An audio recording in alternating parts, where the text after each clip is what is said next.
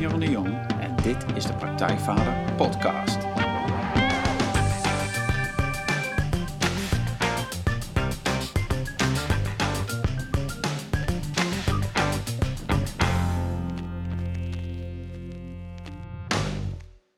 Welkom bij een nieuwe aflevering van de Praktijkvader Podcast. Jeroen hier en goed dat je luistert. Zoals elke aflevering interview ik een inspirerende gast die jou verder gaat helpen bij de volgende stap in je vaderschap.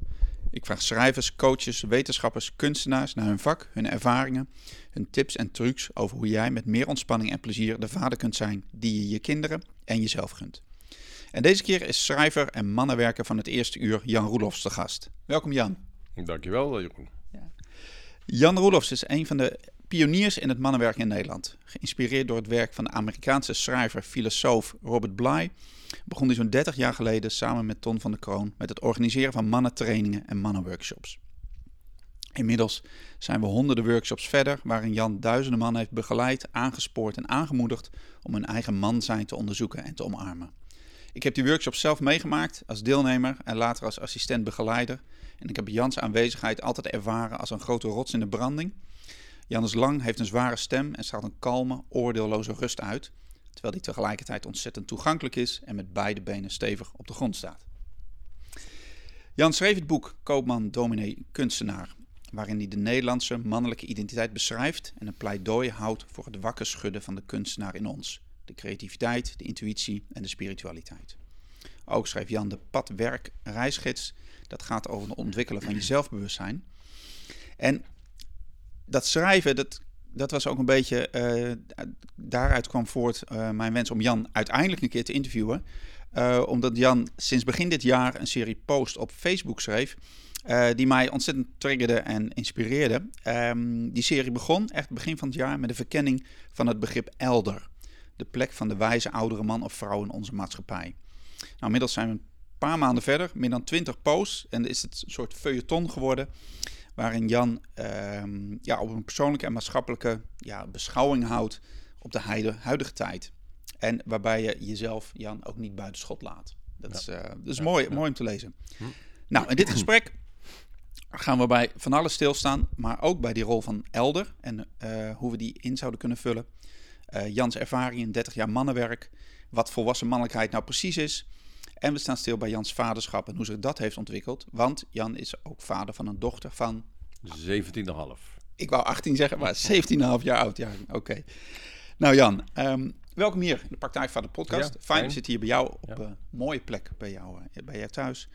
En um, nou ja, goed je een keer uitgebreid spreken over thema's die ons allebei aan het hart liggen. Ja, um, ja, ja om te beginnen van, nou ja, jij geeft zo'n 30 jaar nu workshops, mannentrainingen. En, en ja, ja, ik ben heel benieuwd, omdat die workshops en trainingen er waarschijnlijk nu heel anders uitzien dan 30 jaar geleden. Of misschien ook helemaal niet.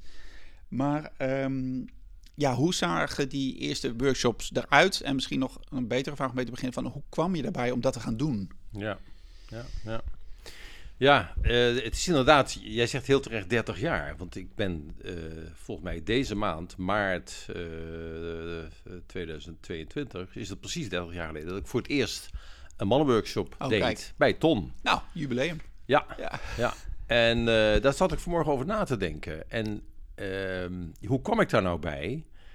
dat kwam eigenlijk door uh, Bly, Robert Bly, die je net al noemt. En die is over, overigens uh, in november afgelopen jaar overleden, op 94-jarige leeftijd. Ja.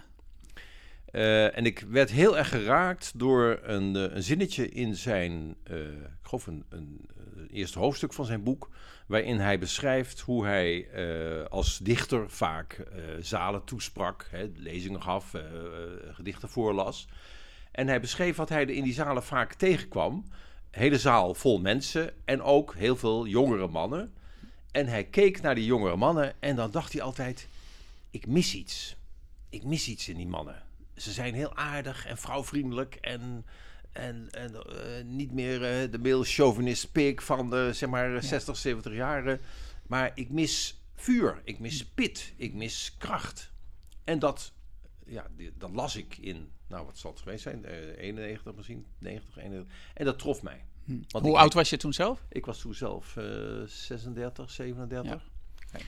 Ik herkende dat. Ja. Ik herkende dat als eh, man. Eh, ik ben opgegroeid in de. Ik ben van 54, dus de 60, jaren 60 heb ik heel erg meegemaakt, jaren 70. In de tijd van opzij. Wij lazen, eh, mijn moeder en mijn oudste zus en mijn oma lazen allemaal de opzij. En ik als jongetje van 12, 13, 14 jaar ook. En daar kon ik elke keer weer in lezen wat voor klootzakken mannen eigenlijk waren. Hè, dat was echt in die tijd. Nou, nou, nou. En ik, ja, ik, was, ik was puber. Ik was man aan het worden. En ik las dus eigenlijk hoe dat niet moest. Ja. Ik dacht, ja, maar zo'n man wil ik niet worden. Ik wil ook niet een man worden als mijn vader. Geen kwaad woord over mijn vader, maar in ieder geval, mijn vader was een typische emotioneel afwezige man. Vader. Dus ik heb in dit, mijn puberteit mijn best gedaan om een, ja, laten we zeggen, vrouwvriendelijke man te worden. En daarin ben ik iets kwijtgeraakt. En wat is dat dan, een vrouwvriendelijke man? Hoe zag dat er bij jou eruit? Eh, ehm, vooral geen haantjesgedrag, geen macho gedrag. Eh, niet, eh, de, niet jezelf op de voorgrond duwen, maar luisteren. Begrip hebben voor de ander. Ja, geen ego. Je ego een beetje terughouden. Niet alles wat met geweld, ja, geweld, maar hè, zekere kracht inzetten, iets willen. Nou, dat, dat, dat hoorde daar allemaal niet bij. Daar hoorde bij eh, meegaand, meegaand zijn vooral. Dus ik heb denk ik in mijn jeugd heel erg geleerd, of een soort beeld gekregen van eh, niet dat, geen John Wayne, geen eh, stoere binken zo, en ook niet dat zwijgen, maar luisteren, praten, over je gevoelens kunnen praten. En dat is wel gelukt, maar daarmee raakte ik dus een beetje in de knoop met mijn eigen ja, laten we zeggen, mijn eigen eh, macho kant, als je dat zo eh, kan noemen. Want die kon, die kon ik niet, daar kon ik niks mee. Nee. Daar kon ik niet, eh, niet in de vorm krijgen. En dat begon me, eh, ja, eh, gaandeweg begon ik er last van te krijgen. Bijvoorbeeld in relaties ook. Hè. Ik vond het heel moeilijk om bijvoorbeeld een eerste stap te zetten naar een vrouw toe. Ja. Dat, dat, ja, dat, ik was afwachtend. verlegen ook in die tijd. Ja, dus ik. Nou, daar, daar, Ja. dat werd eigenlijk steeds erger, zeg Ja. maar. Of erger. En toen begon ik met eh, workshops, eh, spiritualiteit, bewustzijnsontwikkeling. En toen kwam ik tegen, ja, dat er iets in mij was wat er niet was. Ja. zeg maar. En toen las je Robert Bly. En toen las ik Ja. op Bluit, toen las ik die, die, die zinnen in een boekje, eh, vertaald door Ton. op zoek naar de man, heette dat, heel klein dun boekje. En dan las ik dit en ik dacht, ja, dit, dit, dit herken ik. Ja. Hier wil ik meer van. Hier wil ik meer van weten. Hier wil ik... Nou, toen gaf Ton in eh voorjaar 92 gaf hij een workshop. Het Wildeman Weekend heette dat toen. Eh, en daar heb ik me voor aangemeld. Ja. En dat was een, eh, ja, ik kan, het klinkt heel, heel groot, als ik dat zeg, maar het was een levensveranderende ervaring. Ja. Ja, en, en wat deed je dan op dat, op dat weekend? Wat, ehm, Op dat weekend, eh, eh, ja, eh, om te beginnen was je met, met alleen maar mannen samen, wat al vrij uitzonderlijk was, want dat deed je eigenlijk nooit. Hè? Het was alle, alle, alle activiteiten waar ik aan deelneem, dat was altijd gemengd, dus er waren mannen en vrouwen. En voor het eerst zat ik daar met een clubje mannen in het boerderijtje Lunteren. Man of twaalf, denk ik. En ik weet nog dat ik daarheen reed en dacht: Oh man, waar, waar, waar begin ik aan? Waar begin ik aan? Een weekend met alleen maar mannen. Hoe haal ik het in mijn hoofd? Ik was ook stervens zenuwachtig. Ik, eh, kon bijna geen hap door mijn keel krijgen thuis. Nog even wat soep zitten eten. En ik dacht: Oh, verschrikkelijk. Ik, ik dacht: Waar begin ik aan? Ik wou eigenlijk wel eh, dat ik me niet had opgegeven. Maar ja, ik had, opge ik had al betaald, dus vooruit. Ga er maar heen. En eh, ja, wat we daar deden was in ieder geval één ding heel belangrijk. Een oefening die nog steeds een soort klassieker is. eh, een oefening van Tom. Het heet de Vader-Zoon Cirkel. En daar eh, ja, kwam ik in contact voor het eerst in eh 6, 37 jaar met het gemis van mijn vader. Het missen van mijn vader, de pijn, het verdriet, de eenzaamheid die ik daar gevoeld heb. Eh, en dat kwam er voor het eerst uit in een, in een oefening, eh, goed begeleid, met een man die achter me zat. Hè, dus je, je kunt al voelen dat, er, dat je voor het eerst weer gesteund wordt door een man. En dat, dat was een hele heftige ervaring voor mij. Huilen, heel nou, behoorlijk heftig. Eh, maar dat, dat deed als het ware de deur open. Eh, voor een, een betere, veel betere relatie met mijn vader. ik kon, behalve dat ik dus kon voelen dat ik hem erg gemist had. En dat ik daar ook boos over was en verdrietig, et cetera, et cetera. Kon ik ook voor het eerst in heel veel jaren voelen dat ik ook van hem hield. Dat heb ik hem na die workshop kunnen schrijven. Ik heb een brief geschreven hierover. Ik heb uitgelegd, nou pa, ik heb nou iets meegemaakt. Uh, en daar was hij ontzettend door geraakt. Oh, wow. Hij vond het fantastisch en hij herkende er dingen in. Hij had ook, hij heeft met, was een gevoelige man, mijn vader heeft, uh, vertelde toen ook dat hij er altijd moeite mee had gehad. Wat doe je met, met gevoelens als man? Er was geen ruimte voor. Hij moest in zijn werk staan, et cetera. Dat, dat hele verhaal. Dus daar heb ik uh, met hem toen heel goed over kunnen praten. Ik heb, we hebben over zijn, zijn jeugd gehad, over zijn vader. Uh, nou, zo ja? we zijn, we zijn zijn geboortehuis wezen bezoeken bijvoorbeeld. En dan vertelde hij allerlei verhalen, die foto's zien. Dus ja, ons, onze relatie, onze vader-zoon relatie, die kreeg weer enorm veel ruimte, is opgebloeid. En ik ben heel dankbaar dat ik de laatste, zeg maar, 15 jaar van zijn leven, uh, want hij is 15 jaar later overleden, gewoon een goede relatie met mijn vader heb gehad. Mooi. Goud waard. Ja, fantastisch. Ja, ja, dat, nou, ik vind het heel mooi dat je dit zo omschrijft, want het zijn ook veel mannen die, die dan inderdaad in zo'n workshop of training hè, dat, dat contact met hun vader uh, voelen of, of dat gemis voelen, zeg maar. En het dan vervolgens niet kwijt kunnen bij een eigen vader. Of dat hij er helemaal niet voor staat. Ja om wat voor reden ook, hè, om niet kunnen ontvangen of niet, nou ja, gewoon niet, niet in mee kunnen gaan of dat spannend is. Maar het is, ja, het is heel mooi. Dat, uh, ja. ja. Mooi. Ja. Hey, en, en, toen, er was, dus kom ik uit die workshop en toen, ja, toen had ik zoiets van, nou, dit is, dit is zo belangrijk. Dit moet iedere man weten. Het was, dus ik, ik begon, kon ook bijna nergens altijd meer over praten. Ja, de dominee in jou kwam boven een beetje. Ja. Dus, zendeling. Uh, ja, het hoort het ieder. En ik dacht, nou, dan heb je een enorme doelgroep, want de helft is de helft van de Nederlandse bevolking. Uh, dus toen ben ik met Ton heb ik contact uh, gezocht en nou ja, toen, zo is het begonnen eigenlijk allemaal. Ja, mooi. Dus dat is 30 jaar geleden? 30 jaar geleden. Ja, en en als je die, um, die workshop van toen, of uh, zoals jullie toen begonnen, zeg maar, vergelijkt met wat je nu doet. Hè, je zei net al van, zo'n oefening zit er nog steeds in. En die heb ik toen ook bij jullie gedaan. Dat is echt een prachtige oefening, echt heel krachtig. Ja. Ja. Ook, ook om de man te zijn die achter, eh, die achter zit, zeg maar. Hè. Dus, dus dan, ja. dan ben je een soort de bedding daarvan. Um, wat, wat is er veranderd uh, in, die, in die 30 jaar? Of, ja. Ja, ja, goede vraag. Um, het eerste wat in me opkomt is dat het is rijper geworden. Uh, meer nuances. Meer het is subtieler geworden. Uh, uh, en ik denk dat een heel belangrijk, eh, ja, belangrijke ontwikkeling is dat de eerste jaren, het nadruk heel erg, misschien wel de eerste, misschien wel de eerste 15 jaar, de nadruk heel erg op de vader heeft gelegen, de relatie met de vader vader-zoon. En dus ook relatie met andere mannen. En dat de moeder er ga gaandeweg meer in is gekomen. Meer in, het, in het programma. Meer een rol heeft gekregen.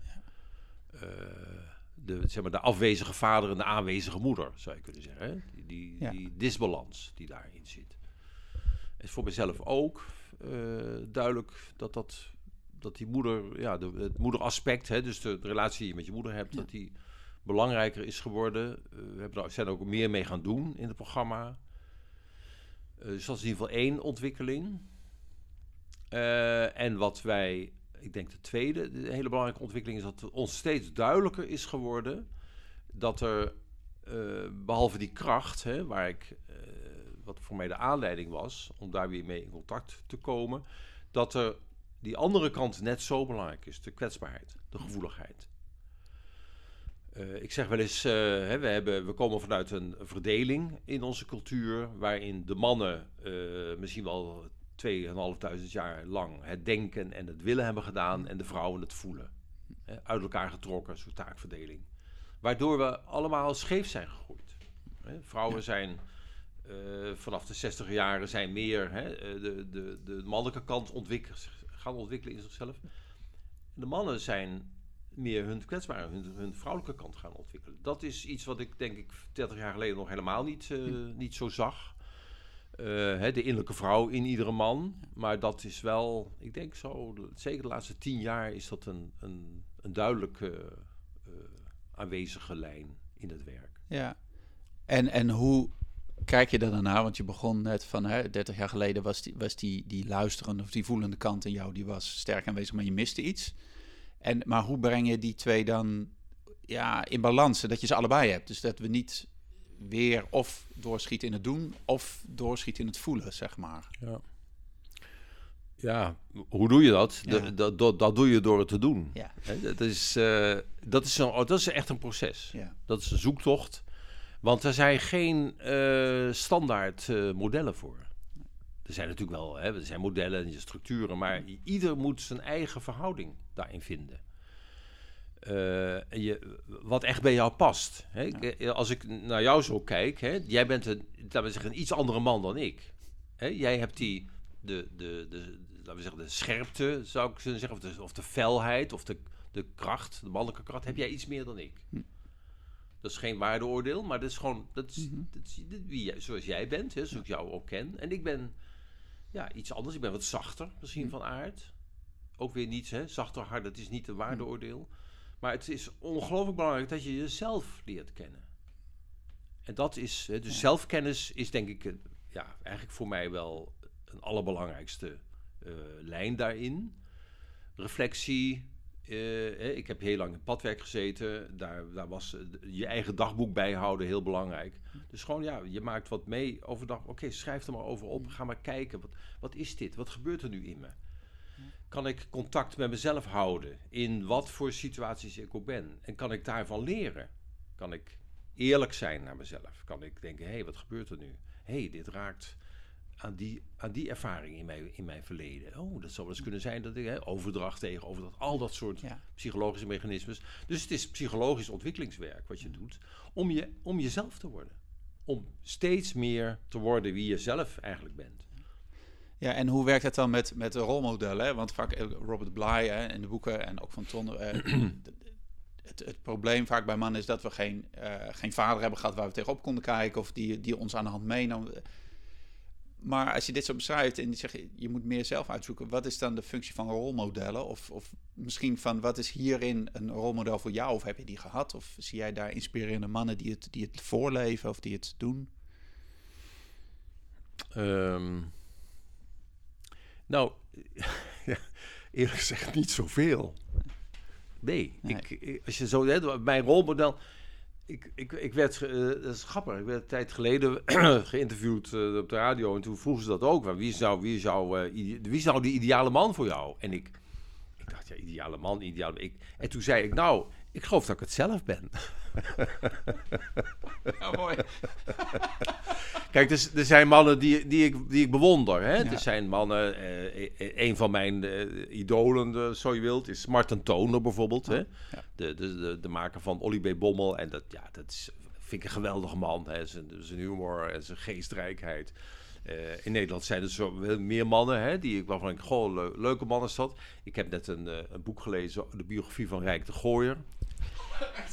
Rijk de Gooier. Nou ja, eh, een, een, een, een drinkerbroer, een ruziemaker. Maar ja, in, in, die, in dat boek komt hij naar voren als inderdaad een grote bek aan de buitenkant. Maar ook een hele gevoelige man. Een hele, ja, ook een leuke man. Ja, ik, geen rolmodel. Ik zou niet, niet eh, Rijk de Gooier als, als, als voorbeeld willen hebben. Maar wel een hele ja, Ja. inspirerende man. En ook, ook een goede vent. Ja. En zo zijn er heel veel mannen. Heel verschillende mannen. Eh, maar echt rolmodellen? Ja, nee, eigenlijk niet. Eigenlijk niet. Nee. Ik, ik, ik, ik wil, als ik nu zo die vraag zo door me heen laat gaan, denk ik, ja, nou, ik vind Ton heel inspirerend. Ja. Hè? De, een goede vriend van me geworden. Eh, doet goed werk. Maar ja, hij, hij, hij is echt wel anders dan ik. Hè? En zo zijn er heel veel mannen. Ik heb eh, af en toe, af en toe merk ik dat, er, dat ik een man op een voetstuk zet. Ik heb dat in, eh, in ons team gemerkt. Hè. Er, was, er zit een jongeman bij die, eh, die heel erg met eh Indiaanse, hè, die ook zweethutten doet en een Vision Quest had gedaan. En die uit een streng, sterk christelijk milieu komt en zich daar aan ontworsteld heeft. Hè. En die twee zoontjes heeft waar die heel goed vader mee is. Dus ik dacht, god, die Dirk jongen, wat doet hij dat toch goed, hè? En ik merkte dat ik hem een beetje op een voetstuk ging zetten. En dat dat het contact tussen ons niet goed deed. Ah, oké. Ja. Ik dacht, op een gegeven moment is het ook, dacht ik, dat moet ik niet doen. Ik moet hem niet, ik zie hem en ik waardeer hem heel erg, maar ik moet hem niet niet daar zetten, want wat gebeurt er dan? Dan zet ik mezelf Ja. lager. En dat klopt niet. Eh, het, tweede, het andere wat ik over wil zeggen, rolmodellen is, vind ik lastig, maar wat ik heel erg behulpzaam vind, is het, en dat is eigenlijk van Bly, en ook Ton heeft daarop voortgeborduurd, het model van de zeven mannelijke archetypes. Ja. Dus dat zijn de kwaliteiten, de koning als centraal eh, archetype en dan die andere zes. Ja. En dat is voor mij ongelooflijk verhelderend en, en behulpzaam model om in mezelf te kijken. Ja. Om te zien waar ik bijvoorbeeld, ja, daar heb ik nog wel wat te ontdekken bijvoorbeeld. Hè. Er zijn archetypes die ik heel goed ken. Ja. De magier ken ik, ken ik goed. Ja, Eh, de nar ken ik ook goed. Ja. Eh, de krijger ken ik dan weer iets minder. Hè. Soms. Is mijn krijgerkant, mag ik iets meer inzetten. De minnaar, daar is ook nog wel een beetje winst te halen. Ja. en dingen te- de wilde man vind ik heel inspirerend. ja, Eh, de verbinding met de aarde, met de natuur. Dus die zeven archetypes, ja, dat zijn ook spiegels en vergrootglazen die mij enorm kunnen helpen. En ik denk alle mannen kunnen helpen om dichter bij mezelf te komen. Ja, het is mooi. Het is een heel, heel dankbaar model inderdaad. En volgens mij van... En dat, nou, ik heb het eh, in het, in het interview met Ton, wat ik voor de praktijk van de podcast het laatste hebben, daar uitgebreid over gehad, omdat het boek ook 25 jaar bestond. Ja. maar dat het, dat het voor veel mannen inderdaad herkenbaar is. Ja. En, eh, en dan... Maar, maar het is mooi omdat dat op het moment dat, dat je zegt, ja, een rolmodel, ik weet het eigenlijk niet. Dat gaat er ook over dat je niet meer één iemand op dat voetstuk plaatst, zoals jij zegt. Maar van meer van... Ja, ook als je gewoon in een cirkel mannen bij elkaar zit, zoals, zoals in de training of in de workshop, zeg maar. Dan is, ja, van die vind ik, spreek dat me aan. Of die Ja. vind ik dat. En dat je daarmee een soort compleet beeld van mannelijkheid krijgt. En niet meer een soort, soort mal of iets opgelegd. Oh, Precies. ik moet zoals Jan zijn, of ik moet Ja. zoals Ton zijn, ik moet zoals Jeroen zijn. Nee, gewoon wat je zegt. Wie, wie Ja. ben ik? Ja. Ja, Ja, ja. ja, mooi. Hey, en ik was benieuwd, want je zei het net al even over. Wilde ik je ook over vragen. Want ehm, oh, ik, ik vond een artikel van jou en dat daar ehm, online. En dat ging over dat mannenwerk 2.0. Eigenlijk wat je net noemde, de plek van de vrouw of van de moeder komt, er- Ja. komt er meer in. Eh, en dat was ook naar aanleiding van een ander boek van, van Robert Bly, wat je aan van The Maiden Ja. King. Ja. Ehm, ja, kun je daar iets meer over vertellen? Van, van die afwezige vader, dat, dat kennen we wel. Ik denk dat mannen dat ook sowieso al aanvoelen, zeg maar. Maar, maar wat is er dan met die moeder? Ja, Wat, ja, genoeg denk ik. Maar, maar waar zullen we beginnen? ja, ja. Ja. ja. hoe, hoe, ja, wat speelt daar? Ja, er speelt heel veel. Er speelt heel veel. Het is een heel rijk eh, gebied. Eh de, de, er ploppen voor mij twee eh, aspecten eh, op. Eh, het eerste is dat het boek van Bly eh, met Marion Woodman geschreven. Hè, dus eh, man en vrouw. Ze hebben, dus de boek is eigenlijk een, eh, een, een, een vrucht van hun samenwerking. het werken met een, een Russische sprookje, de Maiden Tsar. En dat, zeg maar, de, vruchten daarvan zijn in het boek uit, terechtgekomen. Dus zij hebben samen dat boek geschreven. En eigenlijk gaat de Maiden Tsar gaat over, heel kort gezegd, het goddelijk vrouwelijke. De Maiden Tsar is eigenlijk een beeld van het goddelijk vrouwelijke. Waar wij als, eh, in onze cultuur, en als, als patriarchale cultuur, als mannen, het contact mee verloren zijn geraakt. In het verhaal eh, eh, valt Ivan, de hoofdpersoon, die valt in slaap. Die valt steeds in slaap als hij weer die Maiden-Tsar zal ontmoeten, nadat hij haar de eerste keer heeft ontmoet en verliefd is geworden, en zij ook op hem. Maar dan zorgt zijn stiefmoeder er steeds voor, via de, de huisleraar, de tutor, hè, zijn, zijn privéonderwijzer, dan geeft de, de stiefmoeder geeft de opdracht dat als hij die Maiden-Tsar weer aanziet komen met haar schip, dat er dan een speld in de kraag of in de hals van Ivan gestoken moet worden, waardoor hij in slaap valt. En dat gebeurt tot drie keer toe. Ivan valt in slaap. Net als hij weer die Medezar gaat Ja. ontmoeten. En eh, ja, die Medezar, na drie keer denkt hij, ja, eh, het is goed met jou. Laat een brief achter en zegt, als je me wil vinden, dan moet je maar op zoek gaan. En dat, gaat, dat doet hij. En dan, als hij dan weer wakker wordt, dan gaat hij, en dat is het tweede deel van het, van het verhaal. En uiteindelijk vindt hij de Medezar, vindt hij terug. En hè, zoals sprookjes gaan, uiteindelijk is er een bruiloft en ze leeft nog, nog lang en gelukkig. Maar die Medezar is dus het beeld van het goddelijk vrouwelijke, waar, ja, waar wij geen bewustzijn meer van hebben. En dat is, ja, vind ik in onze tijd enorm uh, belangrijk punt. Hè. We zitten natuurlijk in een cultuur die erg ook religieus patriarchaal is. Hè. God de Heer, God de Vader, zo zijn wij opgevoed. Maar de godin, God de Moeder, Sophia, hè, dat is een, een, een, begrip daarvoor, een, een, figuur die mij erg inspireert. De Heilige Geest, zou je kunnen zeggen, die is uit onze, die is weg, weggemaakt. Ook weg, letterlijk weggeduwd, hè, weggeschreven. Als je heel veel onderzoek gedaan door onder andere Anine van der Meer. Die heeft er een enorm dik boek over geschreven. Die laat zien hoe Sophia, het goddelijk vrouwelijke, in die geschiedenis van het christendom gewoon is verdonkere maand. Dus zat er eerst wel in en... zat er eerst wel in, want het heel vroeg, heel ver terug was het godsbeeld wat wij hadden, wij als mensen, was androgyn. Oké. Dus God was zowel vader als moeder. En dat is ook zo, denk ik. Ik denk dat het goddelijk is, mannelijk en vrouwelijk. Zoals het leven mannelijk en vrouwelijk is. Dus dat is een, iets wat terug aan het komen is in onze tijd, denk ik. Dat zal wel even duren. Hè. Dat is niet iets wat je even zo uh, klop, kop omzetten en uh, huppakee. Dus dat is een proces. En dat proces, dat is wat het proces dat Bly en Woodman beschrijven in hun boek, is een zoektocht die wij als cultuur gaan. En uh, heel interessant dat Ivan in het verhaal voordat hij dus die bruiloft met de Medenzar kan uh, vieren, moet hij contact maken. Moet hij naar beneden, moet hij de onderwereld in. Contact maken met Baba Yaga. Nou, Baba Yaga, ik weet niet of je, of je die figuur kent. Het is een bekende heksenfiguur in Russische sprookjes. Heel eng. Heel eng. Heel eng. Ongelooflijk eng. Ja. met, met doodshoofden op palen gespietst. En nou, Baba Yaga. Ja, ja, Heel erg, heel erg eng. En Ivan die, uh, die loopt door de kant, zat hij door. Baba Yaga wordt opgegeten. Dat is echt de heks. Je, je moet wel wat doen uh, om daar te je komen. Moet, je, moet, je moet, nou, dat, dat is het ja. punt. Je moet, je moet een confrontatie aan. Dus hè, met die andere kant. We willen allemaal misschien wel Maria, hè, hoog in de hemel. Maar daar beneden zit Kali, bijvoorbeeld de Indië, Indische uh, cultuur kent dat. Uh, en Baba Yaga is dus daar, de Russen. Je hebt de Morrigan, geloof ik, bij de, in de Ierse mythologie. Nou, zo, die, ja, het is allemaal verschrikkelijk en uh, gewelddadig. Uh, ja. Angst aan ja, het angstaanjagende vrouwelijke. Ja. Daar, dat moeten we dus aankijken. Ja. De draak. Ja. En daar zit de koppeling met de moeder. En dan wil ik niet zeggen dat de moeder de draak is.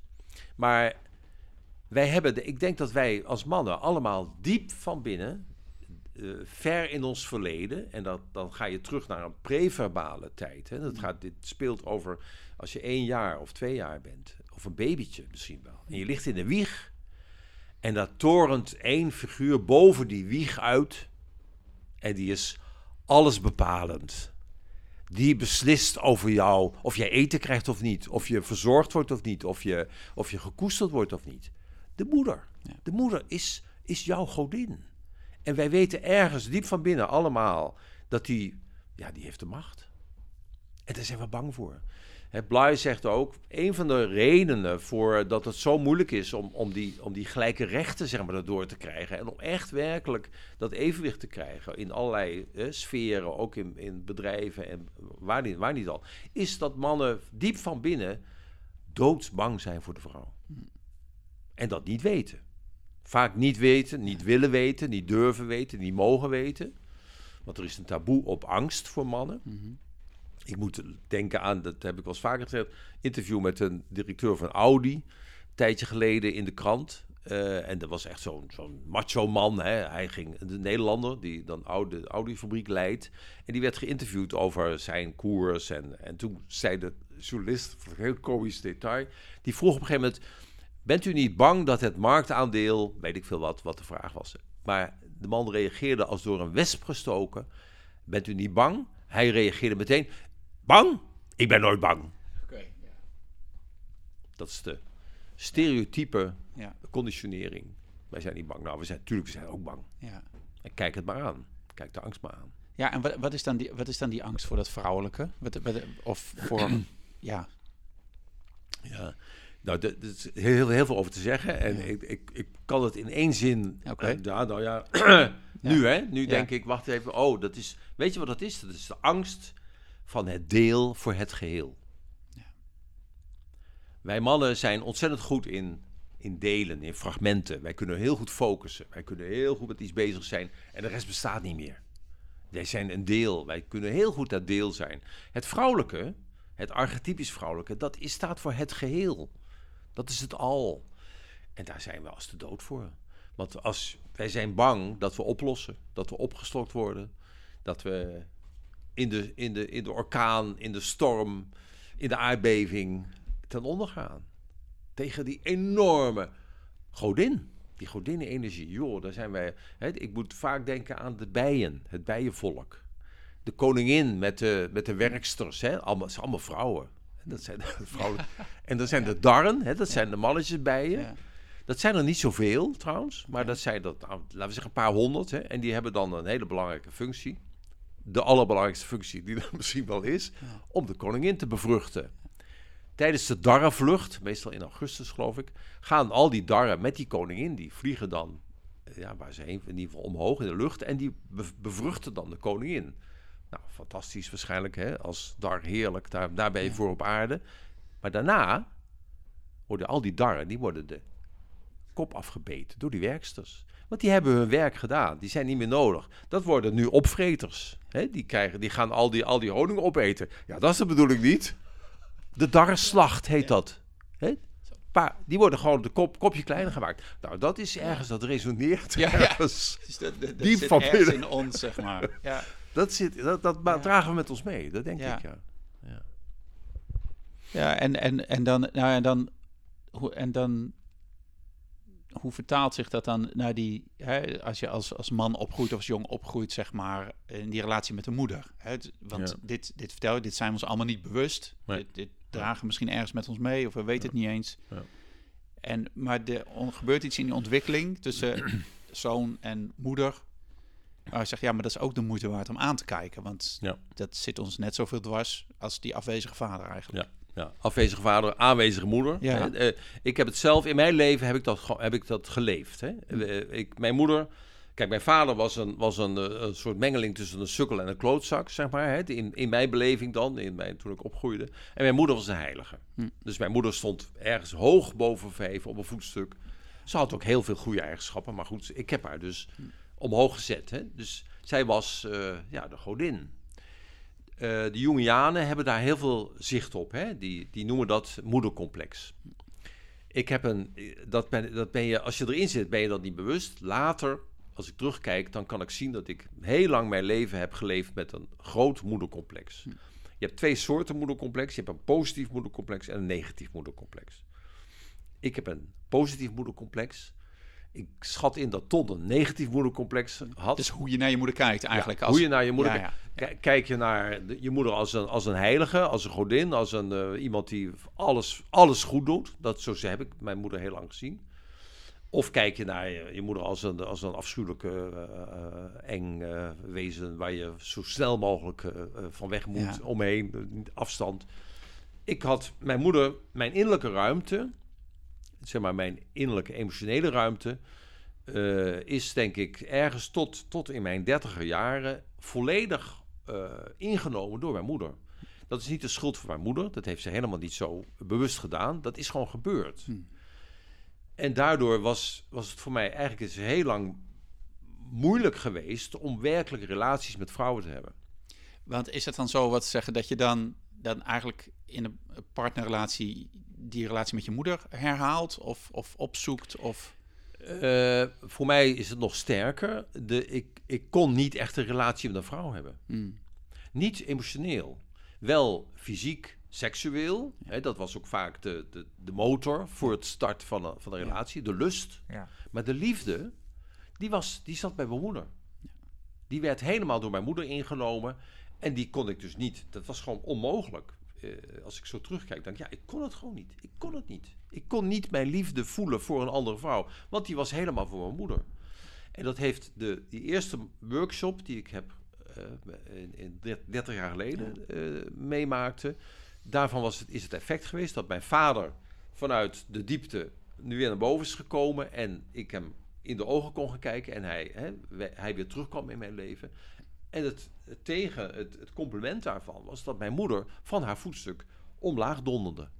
Dus ik heb heel lang, ook in die tijd, daarna was mijn relatie met mijn moeder een stuk slechter. Ja. Want ik had haar oneigenlijk op een voetstuk gezet. En ze, ja, ze moest daar dus afvallen. Dus alle dingen die ik jarenlang niet had willen zien, haar blinde vlekken, haar negatieve kantjes, haar onvermogens, whatever, die, die kon ik niet zien, maar die kwamen toen, daarna kwamen ze ineens ja, op tafel. Ja. ja, dat is fascinerend, hè? Ja, eh, heel fa- Ja. precies wat je Ja. zegt, fascinerend. Echt fascinerend. Daar ben ik Ja. jaren mee bezig geweest. Ik, heb ook, ik, heb, ik hou echt van mijn moeder. En ik heb, ik heb, de relatie met haar was goed, maar, maar er is veel meer afstand in gekomen. Daarna heeft zij ook wel moeilijk gevonden. We, we- ik- ze kon niet praten over gevoelens. Ze kon niet over emotionele Dus waar jouw vader eigenlijk gelijk beschikbaar was, Ja.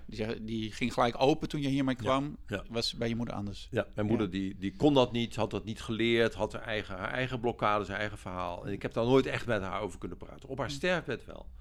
Op haar sterfbed heb ik, heb ik hier over kunnen praten en dat ben ik heel blij.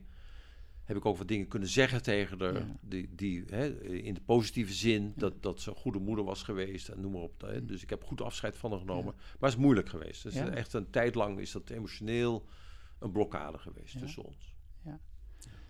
Ja, hey, en als je dat nu ehm, kijkt naar al die andere mannen of mannen die, die nu denken van, oh ja, dat, daar zit wel iets, zeg maar. Hè, van, van, hè, dit, ik merkte ook in mijn eigen training, het thema vaderschap of je eigen vader, daar is beschikbaar. Dat snappen mannen gelijk. En ook al is het spannend om dat te gaan voelen of dat gemis te gaan voelen, dat is, dat is veel makkelijker te pakken vaak dan dat stuk Ja. met je moeder. Ja. Dus, dus hoe zou je daarmee, ja, wat is een, hoe zou je daar ne- beginnen, kunnen mee beginnen om daarnaar te kijken, zeg maar? Wat, wat, ja. Nou ja, het begint met jezelf, denk ik. Hè? Mm. Dus dat je kunt gaan kijken naar je eigen relaties. Hè, je eigen, hè, wat, wat een heel, eh, vaak een heel moeilijk punt is, hè, lust en liefde. Die twee. Hè? Hoe zit het? Hoe zit Ja. het bij jou? Hoe, hoe voelt dat? Wat zit daar aan vast? Wat voor fantasieën heb je bijvoorbeeld? Seksuele fantasieën. Wat, wat, wat, wat, waar, wat wind je op? Hè? Dat Ja. kan een hele, hele goede eh, eh, heldermaker zijn hè? In, in wat er speelt in je binnenwereld. Eh, ges- gesprekken daarover met je partner als dat kan, hè? Met, Ja. met vrouwen, met vriendinnen, Ja. misschien ook wel met je moeder als dat kan, of met je zussen, met, man- met vrouwen erover praten. Ik heb eh, een paar vriendinnen waar ik hierover mee kan, kan praten, die, die, die het snappen. Hè? Ja. Die ook kan ik, waar, ik, waar ik over kan praten en over een heel, vind ik, een moeilijk punt omdat dat heel snel verkeerd begrepen wordt. En dat, het punt is dan de blinde vlek bij de vrouw. Want eh, wij mannen hebben blinde vlekken, maar de vrouwen hebben ook blinde vlekken. En het is heel moeilijk om dat aan te stippen. Want het wordt heel snel als aanvallend gezien. Hè? Als, oh, de vrouw heeft het weer gedaan. Net zo goed als je, de moeder heeft het weer gedaan. Hè? Dat, dat is een neiging om, om die de schuld te geven. Da- daar zit het niet. Het, zit niet. gaat niet over schuld. Het gaat over kijken, nou, wat is de realiteit? En ik kom het regelmatig tegen. Ik, ik, nog niet zo lang geleden eh, kwam ik de vijandigheid van de vrouw naar de man tegen. Ja, en daar konden we eigenlijk niet, in de, in de workshopverband was dat, eh, en dat konden we, was eigenlijk niet bespreekbaar. Want het was eh, heel duidelijk voor, het waren twee vrouwen met name, die, ja, die, vijandig naar mij waren. En, en in de eerst verwarde het me een beetje. Tot ik beging beseffen, oh wacht eens even, maar dit, dit man-vrouw stuk speelt hier. Ik ben de schurk. Dat Ja. was eh, ook naar, naar aanleiding eigenlijk nog niet zo lang geleden. Eh, het hele Oekraïne-verhaal speelde daar doorheen. Dus waar kom je dan in? Dan kom je in de dader-slachtoffer Ja. dynamiek. En dan is de man de dader en de Ja. vrouw is het slachtoffer. Ja. Ja, dat is deel van de werkelijkheid, zeker. En moet ook erkend, maar het is een, een deel. Ja. Ook vrouwen, hè, als je in, in, dat, in die, die dualiteit zit, ook vrouwen zijn ergens dader. En mannen zijn ergens slachtoffer. Ja. We zijn het allemaal. Nou, en het is dus heel ingewikkeld om dat vanuit man zijn aan te kaarten. Ja. Ik moet nu denken van, van een Ja. mooi verhaal. Martine Delfos, die vertelde dat ooit eh, in, de- in de interview. Die was een keer, volgens mij was het op een soort jubileumcongres van Opzij. En dat ging, ging hier ook over. Maar daar zaten dus alleen maar vrouwen in de zaal. En dat zij eigenlijk door, door wat zij aanstipte is... is ehm, volgens mij stelde zij de vraag van... Iemand anders stelde de vraag, ja, maar waarom... eh, zijn wij vrouwen hè, altijd de eerste die, eh, die het gevecht aangaan. Of zo. Waarom, Ja, waarom ja. eh, zorgen we maken Waarom wij, moeten wij het aankaarten? Ja, en Ja. eh, of waarom zoeken wij iedere keer ruzie? Of waarom is, maken wij dat die man nooit goed genoeg is of zo? En dat kan ik niet zeggen, of dat kan jij misschien niet zeggen. Maar het, zij kon het wel zeggen en zeggen, ja, maar iedereen snapt het opeens. En iedereen snapte dat we in die dynamiek man-vrouw allemaal ons eigen stuk hebben. Ja.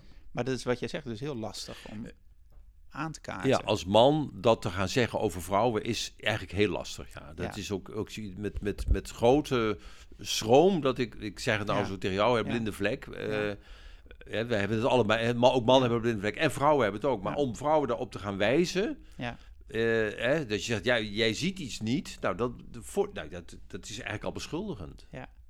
Dus het is eigenlijk moeten vrouwen, nou, moeten, nou, dan Ja. heb je het weer. Ja, dit is werk voor vrouwen. Nou ja, en andersom net zo goed. Want ik denk dat, dat, dat als het over mannenwerk gaat, dat ik denk, dat- nou, dat zul je ook gehad hebben, dat je mannen in je workshop hebt die gestuurd zijn door een vrouw. Ja. Ja. En de ene vrouw die doet dat op een liefdevolle manier. En de andere, ik heb ook wel eens iemand gehad van... ja, als je niet naar die training van Jeroen gaat, dan eh, is het voorbij, zeg maar. Ik denk, ja, ja, er zit zo'n man daar. Hè, dus, eh, ja, Ja, gestuurd. Ik, Ja. Dat kom je vaak tegen en het is heel, heel lastig mee te werken. Want Ja. ze willen zelf niet. nee.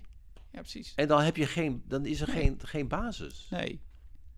Dus dat dan- is moeilijk. Ja. Het, het, Ja. het, is, het is goed om het, om het te benoemen, hè, zoals wij Ja. nu doen, om het Ja. uit te spreken. Ik schrijf er ook wel, wel over.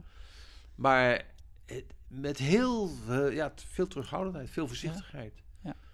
En nuance. En eh, het beste werkt als je gewoon eh, het, het vanuit jezelf vertelt. Gewoon zegt wat jou, ja, wat je voelt, waar je, waar je last van hebt, wat jij vindt, wat je tegenkomt, waar je kwetsbaarheden zitten, et cetera. Dan, dan is het te horen. Ja. Maar zodra je iets over de ander gaat zeggen, Ja. Nou ja, we zijn natuurlijk nog wel heel gevoelig hè, van met, het, met het. En, eh, Ja. en, en dat is ook goed dat, dat daar dingen gewoon, eh, dat, dat die dingen helder worden. Maar nou, aan de andere kant is dat we dan, het, nou, het gaat om de, de, nu- de nuance opzoeken. Ja. En het persoonlijk houden. En het is eh, heel lastig, en het, los van eh, man-vrouw, maar eh, over het algemeen, hè, over bewustzijn en spiritualiteit. Het is heel lastig om, om dat uit te leggen.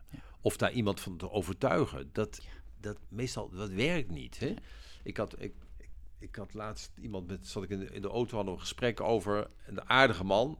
Maar die zit helemaal niet in deze, in deze hoek. Hè? Het bewustzijn dat hij denkt, waar gaat het over? En ik, ik zei op een gegeven moment, zei ik, ja, ja dat ging het over dat het zo belangrijk is dat je bij jezelf bent. Hè? Contact met jezelf hebt. Of bij jezelf bent, zei ik geloof ik. En hij kijkt me aan en hij zegt, wat bedoel je er eigenlijk mee? toen, toen dacht ik, oké, dat is een hartstikke mooie reactie. Want dan kunnen we daar, i- dan kunnen we het erover hebben. Dat hij zo zei, ik, ik snap gewoon niet wat je bedoelt. Met je, bij jezelf zijn, wat is dat? Nou, voor de, is dat voor jou en voor mij is dat gewoon heel vanzelfsprekend. Wij Ja. snappen precies wat we daarmee bedoelen. Omdat maar- we daar een hele tijd al Ja. mee bezig zijn. Ja, Je bent die, dat pad opgegaan. Maar als je dat niet bent... ja, ik, ik denk aan, aan Mark Rutte bijvoorbeeld. Hè, wat ik, nou ja, ik, daar kan ik wel alles van vinden. Maar ik, ik denk, over moedercomplex gesproken... Hm. dan kijk ik naar Mark Rutte en ik denk... hij heeft ook een groot moedercomplex. Het zie ik aan allerlei dingen. Maar heeft het zin om dat tegen hem te gaan zeggen? Meneer Rutte, u hebt een moedercomplex. Hij zal je aankijken en Ja. denkt, waar, waar heb je het over, man? ja. Ja, ik ben net nog thee wezen drinken bij mijn moeder. Hartstikke gezellig. Ja. Ja, bij wijze van spreken. ja, ja. Ja. Oh, mooi. Oh, ja, we kunnen uren praten. En dat, Ja. eh, dat hebben we ook gedaan. Maar, dat, ehm, maar ik ben benieuwd van ehm, een tijdje terug. Ik weet niet precies hoe lang het is geleden. Dat weet jij beter dan ik. Maar toen eh, was ik hier ook in Zutphen. En toen gaf jij samen met Ton een workshop. En dat, ik weet niet, heette de mislukking van het De- mannenwerk. De, de, kracht van de mislukking. Oh, de kracht van de mislukking. Ja. Ja, en dat, dat nou, vond ik heel mooi, sowieso om het over mislukking te hebben. Maar dat was volgens mij ook het punt in de tijd dat, dat jij zoiets had, of jij en Ton zoiets hadden, gaan we hier nou mee door of niet? Ja. En volgens mij zijn jullie toen een tijdje gestopt Ja. met mannenwerk. Ja. Maar ook vrij snel daarna heb je het toch weer opgepikt. Ja, ja, ja. Dus, ehm, dus ja, is dat een jaar of zes, zeven geleden? Ik weet niet precies. Ik denk, eh, ja, zoiets, 2017 volgens mij. Ja. Dus eh, zeg maar vijf jaar geleden. Ja, dus, dus ik ben twee- benieuwd van waarom had je zoiets, nou, we gaan, Ja. er, we gaan ermee Ja. stoppen. Ja. En, volgens, en toen ben je toch weer gaan doen. Dus ben Ja. Eh, het was inderdaad, wij, wij, wij dachten, het, eh, eh, het is klaar. we waren er ook een beetje, ja, we, doen het, we deden iets van 18 jaar of zo hadden we deze workshop, Pad van de Man hè, in Orval gedaan. En dat werd tijd om eens ermee te stoppen. Hebben we ook gedaan. We hebben een jaar lang niks gedaan. Toen hebben we een jaar lang hebben een jaartraining gedaan. We hebben drie weekenden georganiseerd. Het Graaltraject noemen we dat toen. Voor mannen die al eerder bij onze workshop hadden gedaan. En in, die, in dat laatste weekend daarvan gebeurde er iets waardoor wij dachten, we moeten toch door. Hm. Want er was namelijk één man die op dat laatste weekend, die moest eerder weg. En die jonge vent van 35, uh, banen bedrijfsleven. En die vertelde, als afscheidspraatje, had hij zo'n 10 minuten, vertelde die even heel kort wat hem dit gedaan had, dit mannenwerk. Hij had bij ons een workshop gedaan, de driedaagse en daarna dus dit traject. En dat was een geweldig verhaal, wat hij vertelde even in een notendop zo even van hoe belangrijk het was. Hij vertelde hoe, hoe dit, de aandacht voor dit onderwerp, deze workshop, deze, deze, hè, het mannenwerk, hoe hem dat eigenlijk zijn leven had gered, kan je zeggen. Hè, dat hij, hij was verdwaald. Hij had een baan ergens bij een groot bedrijf en uh, beschreef dat. En hij, en, en, hij had zichzelf teruggevonden. Hmm. En ik weet nog goed, een moment, Gijs heette die, en Ton en ik keken elkaar aan toen hij dat allemaal zo vertelde. En wij dachten hetzelfde op dat moment. Wij dachten, hier moet, dit is zo belangrijk werk, hier moeten we mee doorgaan dit mogen we niet uh, laten, laten zitten. En toen zijn we dus bij weer bij elkaar gezeten. Oké, ja, dat is duidelijk een call. Hè, we voelden de roep. En toen hebben we het, oké, we gaan weer door. We hebben het wat anders genoemd. We hebben wat, wat veranderingen aange, aangebracht. Uh, we, hebben het anders, we zijn het anders gaan noemen. De terugkeer van de koning zijn we toen de workshop gaan noemen. Naar het, boek van Ton. We zijn wat meer met de structuur van het boek gaan werken. En we hebben mannen erbij gehaald. Heel bewust. Eh, we, zijn wat, we hebben meer muziek en klank hebben er nu in, in ons programma. Vicky en Sven, twee Belgen die een hele batterij met muziekinstrumenten en drumstellen en keyboards en weet ik veel wat, een hele, hele camper vol. Ja, die, die doen muziek, hè, die geven de, de muzikale begeleiding. Dus we zijn uh, in, uh, wat was het, 2020 denk ik, 2019, opnieuw begonnen. Ja. Met volgende fase. Ja. Ja. En dan gaan we mee door tot... Ja, ja. I don't know. Ja, mooi. Oh, gelijk twee vragen. Want ik ben heel benieuwd van... Uh, getrekt omdat je zei, we hebben de mannen bijgehaald. En ik was ook benieuwd van... Eh, jij werkt al 30 jaar samen met Ton. Uh, en, en dat blijkbaar werkt dat. En ik vraag het om, omdat ik veel zie uh, initiatieven van mannen die, die, die opkomen in het mannenwerk ook, zeg maar.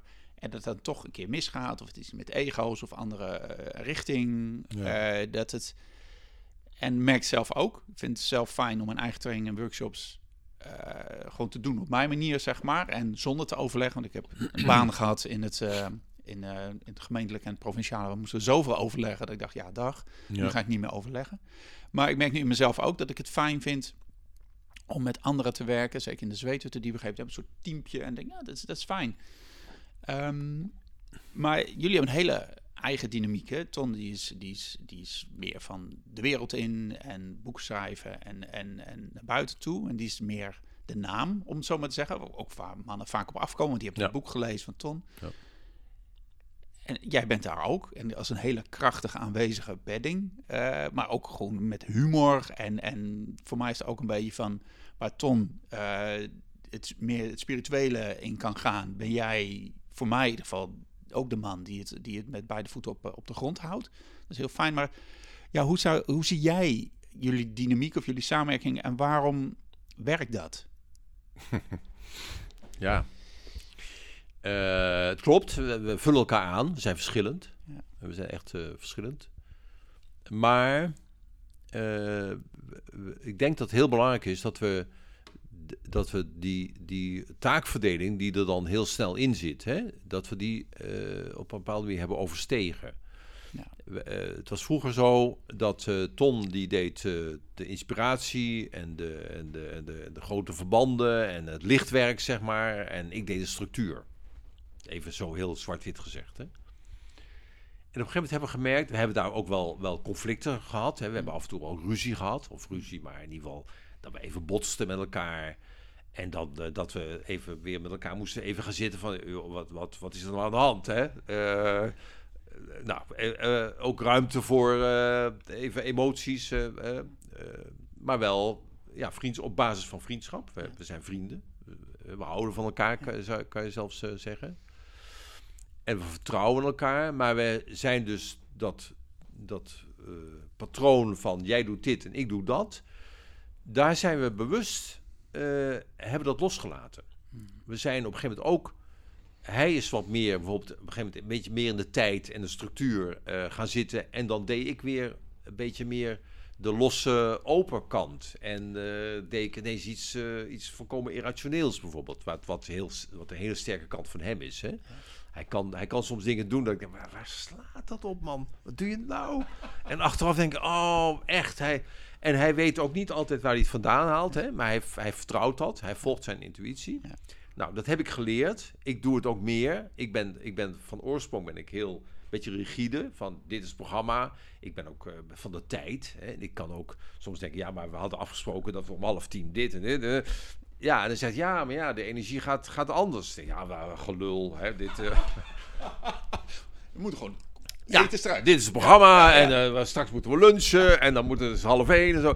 Nou, da- da- daar zijn we dus allebei vrijer in geworden. Ja, mooi. Hij heeft meer de structuur, ik heb meer die open intuïtie, ook ontwikkeld in mezelf. En dus we zijn nu, we kunnen beter ja, stromen eigenlijk met elkaar. En soms is het het een en soms is het de ander die het doet. En dat is nou eigenlijk onze nieuwe fase, denk ik. Sinds 2020 zo ongeveer. Denk ik dat we daar dus een, een sprongetje hebben gemaakt. En dat we nu op die manier kunnen samenwerken. En ik denk dat de basis is eh basis van vertrouwen. Ik, ook als ik niet snap wat hij zegt. En dat is andersom ook. Hij heeft ook wel eens dat hij... Dat hij wat doet Jan nou? Maar we vertrouwen elkaar. We denken, oké, ja, oké, goed. Eh, we, we gaan het wel zien. En je mag fouten maken natuurlijk. Hè. Dat is eh, niet altijd dat je, dat je het 100% zeker weet of dat het klopt. Maar dat kan. En, en wat denk ik heel belangrijk, misschien wel het allerbelangrijkste is, we, hebben, we kunnen ontzettend lachen met elkaar. We hebben echt de, nou, de, de geestkant, zeg maar, de spiritkant. Ja, dat is, dat is ook met het team. In het team, we hebben soms tranen met tuiten, dat we echt zo ontzettend moeten lachen ergens om. En dat houdt het, ja, houdt je open. Ja, Houdt je ook op de grond en houdt je in de kosmos. Dat is zo, de geest is zo allesomvattend. Ik denk dat dat wel, ja, dat is een heel, een heel belangrijk aspect. Ja. ja, en die vergeten we vaak. Van als we met dit werk bezig zijn, of mannenwerk, bewustzijnswerk, zeg maar. We hebben het, kunnen er uren over praten en dan, ja, die humor, ja natuurlijk. Ja. Maar dat is ook zo Ja. fijn om over jezelf te lachen, of wat er gebeurt te lachen. Of denk je, wat gebeurt hier in godsnaam? Van waar, waar gaat dit naartoe? en ja, ja. ja, mooi. Ja, jezelf daar ook in, in kwetsbaar te kunnen opstellen. En ook, ook te kunnen zeggen van, nou jongens, ik weet het even helemaal niet. Ja. Ik ben, hè, dan, we zijn dan de trainer. Ja, oké. Maar we brengen onszelf in. Dat is ook heel belangrijk. Altijd. We zijn niet de goeroes of de meesters die het allemaal al weten en die het even zullen gaan vertellen. We zijn altijd, en dat houdt het ook open en fris. We gaan elke workshop weer ook er zelf in. Ja. We zijn zelf ook in die zin ook deelnemer. En we hebben natuurlijk een rol en een functie. Ja, Prima. Maar we zijn ook, we zetten onszelf ook, brengen onszelf helemaal in. Ja. Dat is ook heel Ja. belangrijk. Mooi. Ja, en dan. En misschien haakt het hier wel aan aan hoor. Van, van eh, dat, dat hele elderschap. Ik las dat stukje van jou. Dat was het eerste stukje wat je schreef. Ja. Gewoon in, in die reeks Facebook-posts die, Ja. die, die je nu Ja. schrijft. Naar aanleiding van, eh, van functie elders. Ja. Van Pieter Omzicht. Elders. Hey. Ehm, maar dat is eigenlijk van, van wat je- wat je beschrijft heel mooi en eh, heel helder ook in dat stuk. Is. Ehm, ik weet niet of het in de workshop was, maar je had een gesprek met, met een, eh, iemand, een Indiaanse medicijnman. Ja. En, en jij, of samen met Ton, ik weet niet, Ja, jullie ja, hadden zoiets, ja, waar zijn die elders hier nou? Want die hebben we niet. Ja. Kun je zeggen hoe dat gesprek ging? Wat gebeurde daar? Ja, dat was een eh, Indiaanse, eh, Canadese Indiaan van de Mi'kmaq tribe. Lionel heette die. En die was in Orval. Wij, waren, wij hadden Heart of Man, onze vierdaagse. Ik denk dat dit vijf jaar geleden speelt. En hij was daar ook. Maar hij zat niet in onze groep. Hij was daar eh, met een, voor een zweethutceremonie. Hij was een zweethut aan het bouwen. Daar hebben we ook bij geholpen. En we hebben hem op een gegeven moment eh, uitgenodigd in onze groep. Hij zei, god Lionel, wil je, wil je op een zaterdagmorgen wil je gewoon eens bij ons komen? Gewoon eens in onze cirkel en eh, nou eens contact maken. Nou, dat vond hij eh, heel, heel leuk om te doen. Dus hij is bij ons gekomen. En toen ontstond er een gesprek. Ja, hij vertelde uit zijn eigen traditie. Heel, en hij, smiddags hebben we toen met hem, eh, hem geholpen met uh, het te bouwen. en toen ontstond er dus een gesprek over het thema elders. De ouderen, hè, de oudere, wijze mannen, vrouwen. En hij was daar heel helder over. Hij zei, ja, dat is in onze cultuur is dat zo belangrijk. Zo'n belangrijke basis. Hij was zelf een elder, hij was zelf in de zeventig. Ja, die dragen eigenlijk de, de wijsheid van de stam, van de tribe. En toen zeiden wij, uh, een beetje werd wat geklaagd van, uh, die hebben wij niet. Wij hebben in onze cultuur geen elders. Die zitten namelijk allemaal in het bejaardentehuis en die hoor je niet meer. Daar luisteren we ook helemaal niet meer naar. Oh, oh, zei hij. Ja, ja, dat is dan wel, uh, wel vervelend. ja, dat je die niet hebt. Maar wij, zitten, wij zijn ze dan wel, die elders. En wij zaten, weet je, zo... Dat weten we eigenlijk niet. En toen zei hij, en hij zei dat eigenlijk tegen de hele groep ook hoor. Maar hij zei het ook met name tegen ons, tegen ons tweeën. Hij zei: You are the elders. Jullie hebben die taak. En pak het op. Ga het doen. Heel, hè, zoals die natives dat kunnen zeggen. Hè, geen gelul, gewoon ga het gewoon doen. En dat kwam bij ons allebei heel erg binnen. Dat we dachten: oké, oké, ja, ja, dat snappen we. Ze zijn er niet, ze zijn er wel. Ja hier, wij zijn, wij, voelen ons geroepen. Niet dat wij nou hè, op een voetstuk moeten gaan staan, maar wel onze plek innemen. Hm. We moeten onze plek innemen. Als mannen, als mensen, überhaupt. Hè? Maar ook, ik ben 67, hm. ik voel dat als een, als een roep, als een, hm. als een vraag van het leven. Blijf niet zitten achter de geraniums. Denk niet, hè, eh, ik ben er erg mee bezig met het thema ouder worden. Wat betekent dat? Hè? Vruchtbaar perspectief in het ouder worden kun je zo leven dat je nog uh, verwachtingsvol leeft. Hè? Dat is wat Steiner erover zegt. Kun je als je 67 bent, of 70, of 75, of 80, of 85, kun je nog leven met nieuwsgierigheid. Met, oh, hé, hey, het leven heeft me nog iets te brengen. In plaats van dat ik denk, het is klaar jongens, ik heb het, het is voorbij. Ik zit te wachten tot ik doodga. Ja, ja dat is het niet. Het is en dan nog, als je doodgaat, en dan ook weer daar, daardoorheen kan je ook nog. Ik, ik ben heel benieuwd. Ik hoop niet dat ik heel snel doodga, maar ik ben ook heel benieuwd hoe dat dan is. Wow, ja, mooi. Ja, ja. We gaan het zien. Ja, maar dat is dus lastig, want eh, lastig, nou ja, ik snap wel waar die, die klacht van jullie in eerste instantie vandaan, die ken ik zelf ook. Ja, waar zijn dan die wijze mannen? Ja. Hey, kijk om me heen. En nou ja, mijn buurman, die is 85, dus zo'n man als jij beschrijft. Die, Ik doe boodschappen voor hem, omdat hij niet meer naar de supermarkt durft. En die heeft zijn tv aan en die, die zit inderdaad te wachten. Ja. Komt zijn huis niet uit. Die maakt niks meer mee. Nee. Alles is te veel moeite. Dus die zit echt te wachten. Ja. Maar in die natives, bij die natives, voor zover dat nu nog steeds het geval, maar die elders hebben een plek.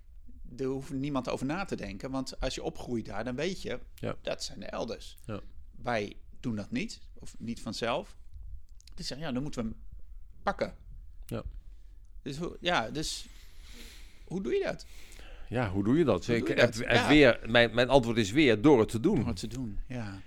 En, en door te kijken waar de inspirerende bronnen zijn. Waar, waar toch een voorbeelden. Kijk, Bly is voor mij echt een, een voorbeeld daarin. Ja. Hij is 94 geworden. Voor mij was hij een elder. Dus hè, als je hebt over rolmodellen, is hij voor mij wel een rolmodel. is een ander rolmodel waar ik nu, nu aan moet denken. Mali Doma. Ik weet niet of je die kent, die naam. Afrikaan. Is ook net overleden trouwens. Uh, een maand geleden. Nog vrij jong, 64 was hij. Maar dat was ook een, man die dat hele elderschap. Hè, hij heeft een boek geschreven, The Healing Wisdom of Africa. Dus helaas nog niet vertaald. Probeer een uitgeverij te interesseren om het te gaan vertalen. En hij beschrijft vanuit zijn cultuur, de Afrikaanse cultuur, hoe dat zit en hoe belangrijk die elders zijn. En wat ik heel fascinerend vind, eh, is wat hij ook helemaal uitlegt en uitwerkt in zijn boek. En daarom vind ik het zo'n belangrijk boek. Dat de elders, die hebben contact met de ancestors, met de voorouders. Dus de, de, de zielen die niet geïncarneerd zijn op dit moment. Die dus voorgingen. Dus in de spirit, in spirit world. Ze hebben hele sterke focus. In Burkina Faso, Faso is hij opgegroeid, hè? Maridoma, Patrice Sommet heet hij volledig. Daar worden de, de voorouders worden geraadpleegd bij belangrijke beslissingen. Door middel van altaren, met ceremonies, met meditaties. Alle hebben ze hele, hij noemt dat technologie. Hele manier van, van, van die bron van wijsheid aanspreken, waar wij eigenlijk geen benul meer van hebben. Geen, wij hebben geen idee meer van dat onze ouders, voorouders, grootouders, hè, dat die ergens nog zijn in de, in, de in de innerlijke wereld of in de geestelijke wereld. Daar kun je dus op richten. Je kunt, hè, we hebben wel dat soort rituelen. De, je hebt uh, uh, 1 november, 2 november, wat is het ook Alle zielen, alle heiligen. Alle zielen gaat eigenlijk, is, een, is een katholiek feest. Gaat daarover. Is over verbinding leggen met de mensen die ons voorgingen. De inspiratie daarvan vragen in gebed of in meditatie, wat voor manier dan ook. En dat kunnen wij allemaal doen. Uh, ik, ik, heb thuis, wij hebben thuis, sinds dat, dat voor mij een beetje een belangrijk thema werd, hebben wij beneden uh, allemaal foto's hangen van onze voorouders. Hè? Dus van mijn vrouw en mij, uh, ouders, grootouders, et cetera. Tot, tot drie, vier generaties terug. Elke morgen steken we daar een kaarsje aan. Hmm. Niet groot ritueel, maar even, even kaarsje, even hallo zeggen. Hallo, voorouders. Ja, jullie zijn er ook bij. Openen, kunnen we onszelf daarvoor openen? En wat brengt dat jou om daar zo wat, de, daar bewust bij stil te staan? Een gevoel van, uh, van inbedding, van, van uh, besef deel te zijn van een groter geheel, ja. wat mijn persoonlijkheid verre overstijgt, wat veel verder gaat naar de toekomst toe, maar ook veel verder naar het verleden.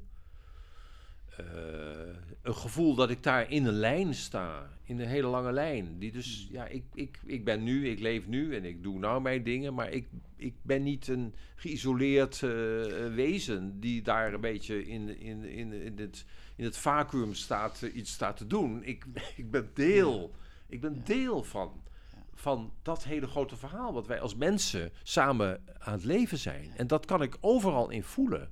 En dat ontroert me vaak erg en soms ook lastig. Ik ben nu een boek aan het lezen over de Romanov-dynastie bijvoorbeeld. Hè? Dat gaat voor Rusland. Nou ja, dan kom je allerlei uh, hele fascinerende, maar ook gruwelijke verhalen tegen. En ik, ik word daardoor geraakt, omdat ik denk ergens... Ik, ik weet niet of ik Russische voorouders heb, maar ik, ik voel dat als... Dit is het verhaal van ons mensheid. Het zoeken, het worstelen, het vreselijke dingen meemaken. Uh, de, Napoleontische veldtocht van 1812. Man, wat een, wat een ellende. Dat dragen we allemaal met ons mee. Ja. He, wat je in opstellingenwerk ook kunt gaan voelen. We zijn deel van het grotere geheel. Dat is wat het mij brengt. Ja. En dat is wat ik, wat ik probeer uit te dragen. Of wat ik, ook, ja. wat ik probeer te leven, laat ik het zo zeggen. En dat geeft een gevoel van... Nou ja, eigenlijk wat ik, wat ik net zeg. Dat ik, dat ik niet meer een geïsoleerd aspect ben. Maar ik ben deel van de mensheid. Dat klinkt wel heel erg groot. Maar zo kan ik het wel voelen. Ja. We zitten hier samen in. Ja. Ook in deze hele verwarrende tijd. He, dat is ook waarom ik die, die blog schrijf. Is vooral om voor mezelf helderder te krijgen. Wat is er aan de hand? Hoe, er zijn zoveel hele moeilijke dingen. Ik vind dat er heel veel verwarring is op het ogenblik. Hè? Ik probeer erover te schrijven. Wat is waar? Jeetje joh, wat is waar? Wat is nog, wat, wat kan je nog, wat, wie kan je nog geloven? In de, in, nou, dat is onze gezamenlijke worsteling. Ja. Nou ja, en dat, dan, dat vind ik mooi, van denken ook van wat je nu zegt, maar ook wat je, hoe je erover schrijft, dat het een gezamenlijke worsteling is. En dat je uit dat, dat, dat uh, slachtoffer-daderschap of, of zwart-wit stapt, zeg maar, en probeert te kijken, ja, maar dit is een verhaal van ons allemaal. Ja, ja, ja. En de, en de valkuilen zijn zo groot en, en veel. Hè? Het hele Oekraïne-Rusland nu. Het is zo'n neiging om, om, om in één kamp te gaan zitten. Hè? Zoals nu, notabene, Russische wandelaars zijn niet meer welkom bij de Nijmeegse Vierdaagse. Ja. Denk ik, zijn jullie helemaal gek geworden? Ja. Om dat te, te besluiten. Dat is in de, in de, in de polariteit te schieten. Ja. We zitten hier... Ik, ik wil niks over Poetin. Ja, weet ik, ik weet heel veel niet. Ik weet ook dingen wel. Maar we moeten uit die, uit die splitsing blijven. We moeten niet, niet zij en wij en hully en wat, wat krijg je dan? Dan gaan we allemaal weer wapens kopen. Ja. Dit is de weg niet. Je moet je oordelen loslaten. Nou, dat is een enorme klus. Ja. die, dat heb je allemaal. Eh, ja. Niet splitsen, niet polariseren. Terwijl je ook wel duidelijk wil zeggen waar je staat. Je moet ook man en paard kunnen noemen. En je moet zeggen, jongens, dit klopt niet. Je moet tegen iemand kunnen zeggen, ho, dat is wat Bly, hè, weer heel inspirerend in zijn boek zegt op een gegeven moment. Je moet je zwaard kunnen heffen. Ja. Niet om de ander zijn kop af te slaan, maar om te zeggen, ho, Ja. dit pik ik niet. En niet, niet van, want als je dat doet, dan ga ik weer. Nee, gewoon je staan. Zeggen nee. Of ja. Ik bedoel, hè, duidelijk Ja. zijn. Je, je plek innemen. Nou, als elders, als mensen, als mannen, als vrouwen. Allemaal. Verantwoordelijkheid nemen. Mooi. Ja. Ja, en dat is de, dat is de klus, denk ik. Dat is de klus. Ja, en, de- en dat is nu heel. Ik vind het moeilijker dan ooit. Maar misschien is het, valt het wel mee. Is het altijd moeilijk geweest. Maar nu denk ik. Nou, nou, nou, zeggen we. Hè? ja. Oké, zoek hem maar. Zoek hem. En dan is schrijven voor mij een fantastisch middel om ja, te ordenen, te verhelderen. Omdat ik dan weer die hè, de voorouders, misschien spreken de voorouders wel mee. Ik schrijf, ik ga zitten, ik denk, ik, voor mij wil ik nu hier iets over schrijven. Ik weet van tevoren niet wat ik ga schrijven. En ik schrijf en ik zie soms, en dat is het mooiste momenten als je schrijft, dat je op het scherm ziet en denkt, hé, hey, dat is een mooie zin. Hé, hey, zo had ik het nog niet bekeken. Nou, dan kan het zijn dat de inspiratie van de voorouders op die manier meespreekt, meekomt. Dat, zo, dat voor mij is dat waar. En het is dus niet van, ik hoor een bulderende stem uit de hemel die zegt zo, die kant op. Schrijf dit eens op. Nee, ik zettel ook niet. Dat Nee, is, eh, nee. doe- hè, Ton doet dat wel. Ja. Nou, dat is zijn manier. Ja. Ik schrijf en ik, ik voel, als ik me geïnspireerd voel, dan voel ik, ja, nou zit ik, nu zit ik op een goed Ja. spoor. En dan kan ik weer voelen, oh, nou ga ik weer van het spoor af. En dan ga ik weer even eh, ikke, Ja. weet je wel. Nou, nou ga ik weer eens even iets heel slims zeggen, bijvoorbeeld. Ja. Ja, dat hoeft niet. En dat werkt dan weer niet. Dat nee, werkt ja, dat is niet. herkenbaar. Dat nee, maar het is wel... Nou, dus, dus dat schrijven, dat is natuurlijk ook gewoon de tijd nemen. En, en wat, wat eh, om, om de boel Ja. helder te krijgen. Ja. En dat is nu... Dat vind ik nu ook lastig, van met de hele informatiebombardement en, en wat er is. En er is zoveel informatie. Ja, oh, input, En te je veel hebt de ene nog niet verwerkt en het andere komt wel Ja. weer. Ja.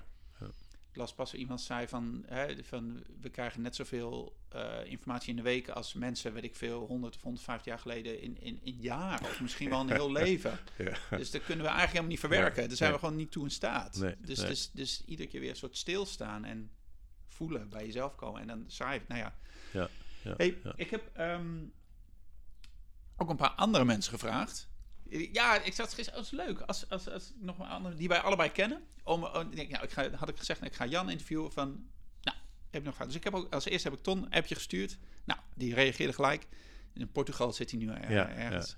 En je hebt het al een beetje gezegd, maar, maar Ton die, die, die zegt, oh leuk natuurlijk. eh, je- die is benieuwd van hoe jij het ouder worden ziet als, als man, als vader, zeg maar. Nee, je zei, ik ben er al veel mee bezig. Dus, dus, dus Ja. ja, kun je daar nog iets meer over zeggen? Of- Ja, ja. Ja, ehm, ja ik, ben er, ik ben er erg mee bezig. Ik ben, eh, lees er veel over. Eh, en op het ogenblik is eh, het boekje van Rudolf Steiner voor mij heel inspirerend. Ouder worden, een vruchtbaar perspectief. Ja. En hij, dan één, dit licht er één ding uit, wat, wat Steiner zegt, misschien heb ik het net al gezegd. Hij zegt, als je ouder wordt, ja, ik, ik herhaal mezelf nu, het gaat over dat Ja. verwachtingsvol leven. Ja, Het is niet, je bent niet aan het wachten tot je doodgaat. Nee. Kun je elke dag nog open zijn en denken: Ja. wat zou ik nou vandaag nog weer gaan Ja. ontdekken? ja. Kan ik nog, wat is mijn volgende groeistap? En misschien zijn het maar kleine stapjes. En, Maar- en maak je dan nog actief ook plannen of laat je het meer gebeuren? Of heb je ja, maar dat wil ik echt nog doen, of dat wil ik, daar wil ik nog naartoe, of dat wil ik nog meemaken? Nou, het is, het is, het is ontvankelijker. Ja. Het is niet meer zo, ik ga dit, ik ga dat. Nee. Nee, ik, Nee. ik ben heel erg eh, meer bij de dag. Je, je, je tijdshorizon wordt korter hè? als je ouder wordt. Ik denk niet meer in termen van over 20 jaar. Ja. Ik denk over, eh, over een paar jaar, vijf jaar. Tien jaar is al wel heel lang Hm. in mijn beleving. Dat was vroeger niet zo, maar nu wel. Dat kan ik gewoon merken. Het wordt Ja. iets minder. Eh, het, een ander aspect wat ik heel belangrijk vind, eh, is dat het fysieke eh, wordt minder. Hè? Dus je vitaliteit wordt minder. Ik, ik, heb wat, ik loop niet meer zo makkelijk. Hè? Ik heb neuropathie in mijn benen, heb ik al tien jaar. Wordt geleidelijk aan erger. Dus het fysieke wordt, neemt af. En dan vind ik Steiner daarin heel erg inspirerend. Die zegt namelijk, oké, het fysieke wordt minder, maar er is iets anders wat meer wordt. En dan ben ik heel erg benieuwd en daar, daar ben ik nu over bezig. Wat wordt er dan meer? Nou, ik, ik begin tegen sommige mensen al, denken ze, zeggen ze, het begint weer over het eterlichaam, want daar heb ik het dan over. Wat zeg je? Ja, het eterlichaam. Ja, ik zal heel kort, hè, Ja. dat is, Steiner heeft er een heel Ja. verhaal over. Maar hij zegt, kijk, er zijn vier wezensleden, zoals Steiner zegt. Ik moet de naam Steiner niet steeds maar blijven herhalen. Daar krijg ik ook feedback van, van mensen. Oké, bij jou, als, als het te veel wordt, dan zeg je het wel. Mensen hebben nog nooit van Steiner gehoord in een podcast. Nee, Rudolf- nee, dat komt niet zo vaak voorbij. Dus Oké, Rudolf Steiner, antroposofie, de grondlegger van de antroposofie. Je hebt vier, vier lichamen. Je hebt een fysiek lichaam, je hebt een etherlichaam, je hebt een astraal lichaam en je hebt een ik. Die vier zijn samen jouw wezen. Het fysieke lichaam kennen wij allemaal, dat weten we, daar hoeven we niet over te hebben. Maar dan is het etherlichaam is eigenlijk het levenslichaam van ons. Dus dat is wat dit lichaam eh, laat bewegen en laat stromen en laat bewegen. Wat mij hè, nu, nu doet praten, helpt praten, jou eh, te zien, eh, te luisteren, et cetera. Dat is eigenlijk een, een lichaam wat, wat er altijd is, maar waar we eigenlijk waar we niet zoveel bewustzijn van hebben. Omdat wij in onze tijd, mechanistisch reductionistisch wereldbeeld, hè, even dat, die term te laten vallen, daar zitten we in nog steeds. Hè.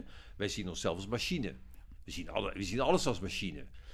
Eh, maar een machine is niks zonder brandstof bijvoorbeeld, of zonder levenskracht. Het gaat om de levenskracht, die zit hierin, maar dat is een heel ander.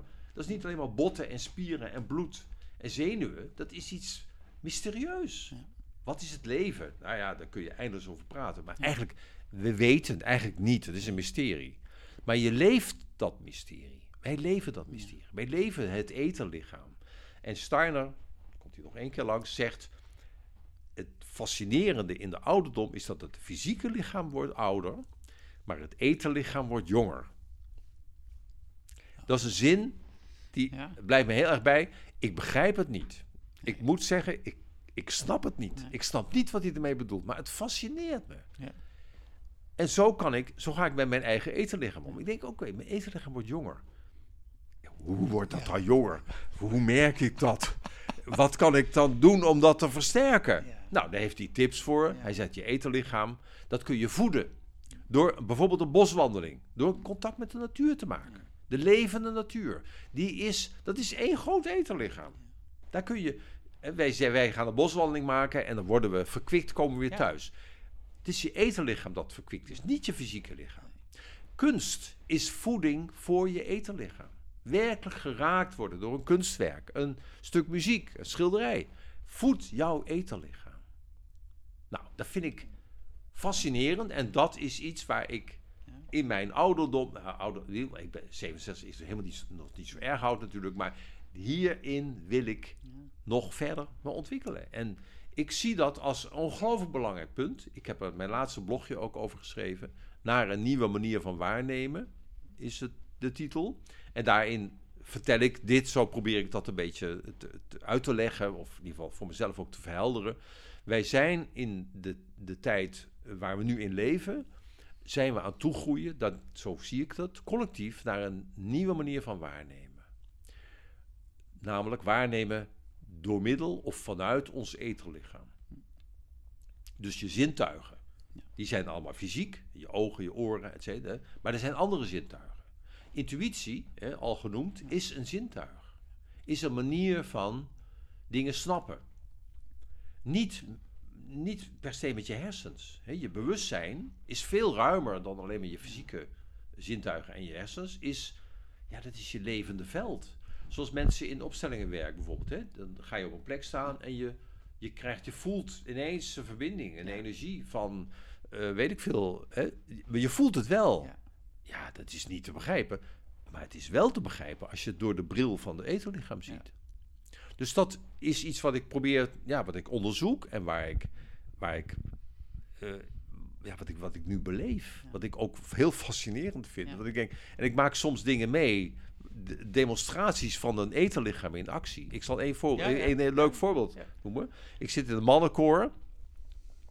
En daar hadden wij eh, een paar weken geleden kregen we een regisseur die met ons een beetje aan beweging wil gaan werken. En dat hele mannenkoor, allemaal mannen hè, van mijn leeftijd en, en ouder. Van, oh, wat, eh, wat is dit nou? En die man ging spelletjes met ons doen. En het spelletje was, eh één moet op de gang gaan staan.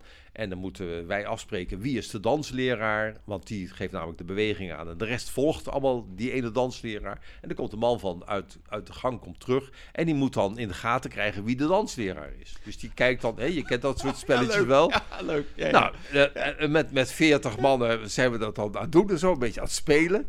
En er komt één man die, die had dan de beurt. En dat was een, een man die eh, al twee hersenbloedingen gehad heeft. Die, nou, het werkt, het, het, de hersens werken. Hij zingt nog wel mee, eh, een aardige vent. Maar hij is echt een beetje gehandicapt, zou je kunnen zeggen, in het hersengebied. En die kreeg de beurt en die komt binnen. En ik vond het verbluffend. Werkelijk één seconde. Hij zegt, hij is het. Eén seconde. Hij kwam binnen, hij ziet het. En iedereen was helemaal... Willem, kan dat nou? Hoe zie je... Hij zegt, dat zie je toch? Toen dacht ik, Ja. dit is het etenlichaam. Hij, hij neemt het waar. Ja. Hij ziet het. Intuïtie, noem het intuïtie, noem het waarneming, noem het fenomena, fenomenistisch waarneming. Weet ik veel hoe je het wil noemen. Dit is het, dit is het etenlichaam. En volgens mij, jij zegt net input, hè? we hebben enorm veel input op het ogenblik. Dus het wordt te veel. We kunnen het allemaal niet meer verwerken. We moeten overschakelen naar een andere manier van waarnemen. Naar een andere manier van beoordelen wat waar is en wat niet. Met het etenlichaam ga je als het ware een soort shortcut Ja. in mijn beleving. Ik kan het allemaal niet meer processen in mijn hoofd, dat ik allemaal lees en denk, oké, laat ik eens voelen, laat ik afstemmen op mijn etenlichaam. En dan denk ik nu, hè, daar ben ik mee aan het, aan het oefenen, dan heb ik ineens in de gaten, oh, zo zit het.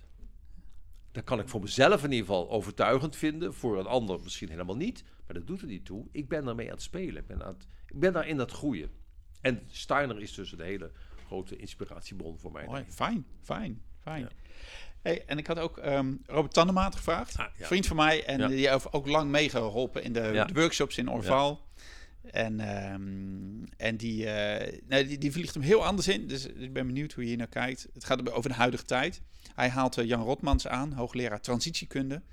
En die schrijft dat we niet in een tijdperk van verandering leven, maar in een verandering van tijdperk. Ja. En dat bij dit soort transities het niet haalbaar is om een breed draagvlak voor een nieuwe richting te verkrijgen, maar dat het moet komen van een smal en diep draagvlak van een beperkte groep mensen. Eh, dus, dus denk een relatief kleine groep die een transitie helemaal leeft. Of die dat. ehm, ja, dus de vraag is: herken je dat? En, en, en, en ja, herken je dat? Of hoe zie jij dat? Ehm, ja, ik denk, ik denk dat het klopt.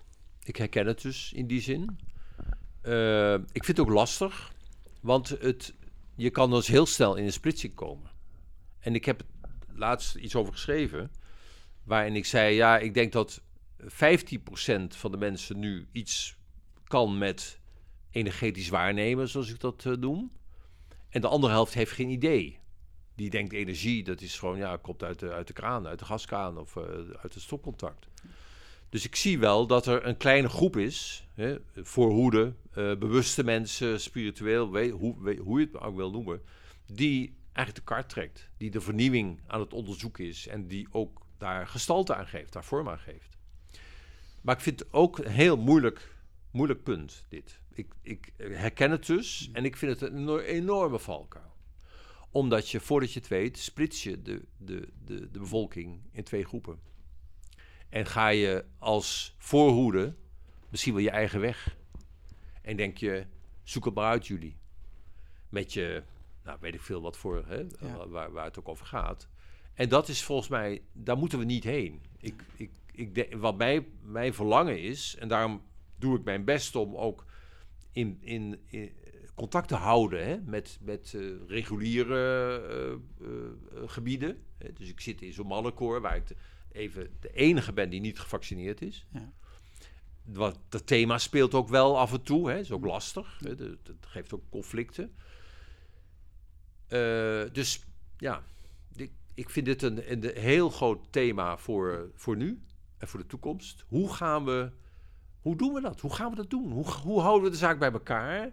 Hoe blijven we in verbinding met elkaar? Met respect. Hoe blijf ik respect houden voor mensen waarvan ik het wereldbeeld afwijs? Hè, ik vind mensen die, eh, dat is ook 85% misschien, die puur materialistisch wereldbeeld hebben. Alleen de materie bestaat en geest en bewustzijn is allemaal onzin. Hè, gezweef wordt al snel gezegd. Ik, die kwetsen ken ik wel, die ook zeggen tegen mij van, nou, dat vind ik wel zweverig als je dat zegt.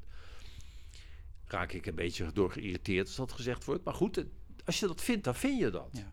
Hoe kan ik jou blijven bena bereiken als mens? Kunnen we samen, kunnen we samen verder? Ja. Want ik denk, ja, ik, ik denk wel dat dat de, de grote opdracht is om samen verder te gaan. En niet in een afgesplitst. Ik wil niet zeggen dat Robert daar zit, Nee. hoor, dat, dat hij dat wil. Maar dit vind ik wel een heel groot, eh, la- heel lastig thema. En, en hoe zie je dat dan van eh, als, er, als er dan gezegd wordt, ja, we zitten in een verandering van tijdperk, zeg maar. Ja. Heb je dan een idee van, of een gevoel van, van eh, ken je dat ook, dat, dat, dat dit tijdperk afloopt en dat Ja. we Ja, naar iets anders... Ja, zeker. Ja? zeker. We zitten aan het eind van een, we zitten aan het eind van een tijdperk. We maken de, het eind, we zitten in de eindtijd. Dat klinkt onheilspellend en is het misschien ook wel, maar we zitten aan, de- aan het eind van een manier van doen die misschien wel patriarchaal is, hè? 2,5 millennium, 2.500 jaar geleden. Ik weet niet of ik weet niet, het zijn ook zeggen, mensen die zeggen dat is een heel langere tijd, maar we zijn aan het eind van een, van een cyclus aan het komen. In de manier waarop we met de aarde omgaan, waarop we met energie omgaan, waarop we met elkaar omgaan, waar, waarop we met macht omgaan. Ja. Dat werkt niet, dat, dat, daar lopen we tegen de muur aan. Als we in machtstermen blijven denken, hè, even heel groot gezegd als, als eh, samenleving, dan gaan we het niet redden. Als het blijft van, eh, en ik bepaal het hier en anders schiet ik je, eh, schiet ik je dood, hè, even, wat nu eigenlijk gaande is, dan, dan gaan we het niet redden. Er zal iets anders moeten komen. En dat is eh, veel chaos. Ik zie veel versplintering op het ogenblik. Heel veel dingen die eigenlijk uit elkaar spatten. eh, In, in totale verwarring. En gisteravond hadden we hier een groepje. En toen zei ik, ja, misschien is dat wel nodig. Moet het uit elkaar spatten? Moet het Ja. ontploffen? Om ruimte te maken voor het nieuwe. En dat is, klinkt onheilspellend. Ik ik hoop niet dat het echt uit elkaar gaat spatten. Maar eh, het hele denken in, in ordening van oordelen bijvoorbeeld. Hè? Ik, ik, ik merk steeds meer dat alles waar ik een oordeel over heb, dat dient mij niet. En het enige wat ik kan is het oordeel loslaten. En me openen voor. Dus ook geen oordeel hebben over mensen die anders naar de wer- werkelijkheid kijken dan ik. Nee. Ik ben het niet met ze eens. Maar oké. Ja. Ja, het is, bijvoorbeeld mijn familie is, eh, is echt eh, hier helemaal niet mee bezig. Nee. Ja, het is toch, eh, het is toch mijn familie. En eh, ik, ik eh, ja, voel me toch Ja. betrokken bij ze. Ja. Ook al kan ik over heel veel dingen eigenlijk niet met ze praten. Ja. Is dat een antwoord op? Ja, dat is, dat is wel een antwoord op een vraag. Omdat het, het gaat ook waar we eigenlijk heel het gesprek over hebben. Over dat man-vrouwelijke, zeg maar. Dat het in beweging is. Dat, dat we aan het zoeken zijn. En het gaat natuurlijk ook over leiderschap en het, het elderschap. Het past er allemaal in. Ja. Alleen het is nu nog niet duidelijk. Nee. Dat, dat, Ja. En kunnen we dat aan? Hè? Ja, Dat vind ik zo wezenlijk dat we, dat we het aan kunnen om het niet te weten. Ja. Om te zeggen, joh, ik weet het niet. Ik heb een gevoel en ik heb een voorkeur en ik heb een verlangen en ik denk, dit klopt niet, dat komt wel. Maar uiteindelijk, hè, wat gisteravond was heel fascinerend ook weer, want ik, ik heb een bepaald idee over Rusland-Oekraïne. Maar iemand kwam met die, die zelf Russisch gestudeerd heeft, die kent Rusland goed en die kwam weer met andere input. En die heeft prachtig, heeft een, heeft een Russisch gedicht, heeft, eh, eh, gebed heeft ze, heeft ze voorgedragen. En toen dacht ik, ja, ik heb, ik heb mijn idee, maar joh, eh, weet ik het? Kan ik open zijn voor wat ik allemaal niet weet en tegelijkertijd staan in wat ik wel weet? Ja.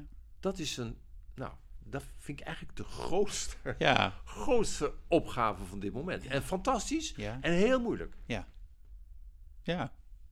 Allebei. Ja. En dit is hè, gewoon gesprek. Ja. Van, gewoon vanuit je geheel. Naar elkaar luisteren.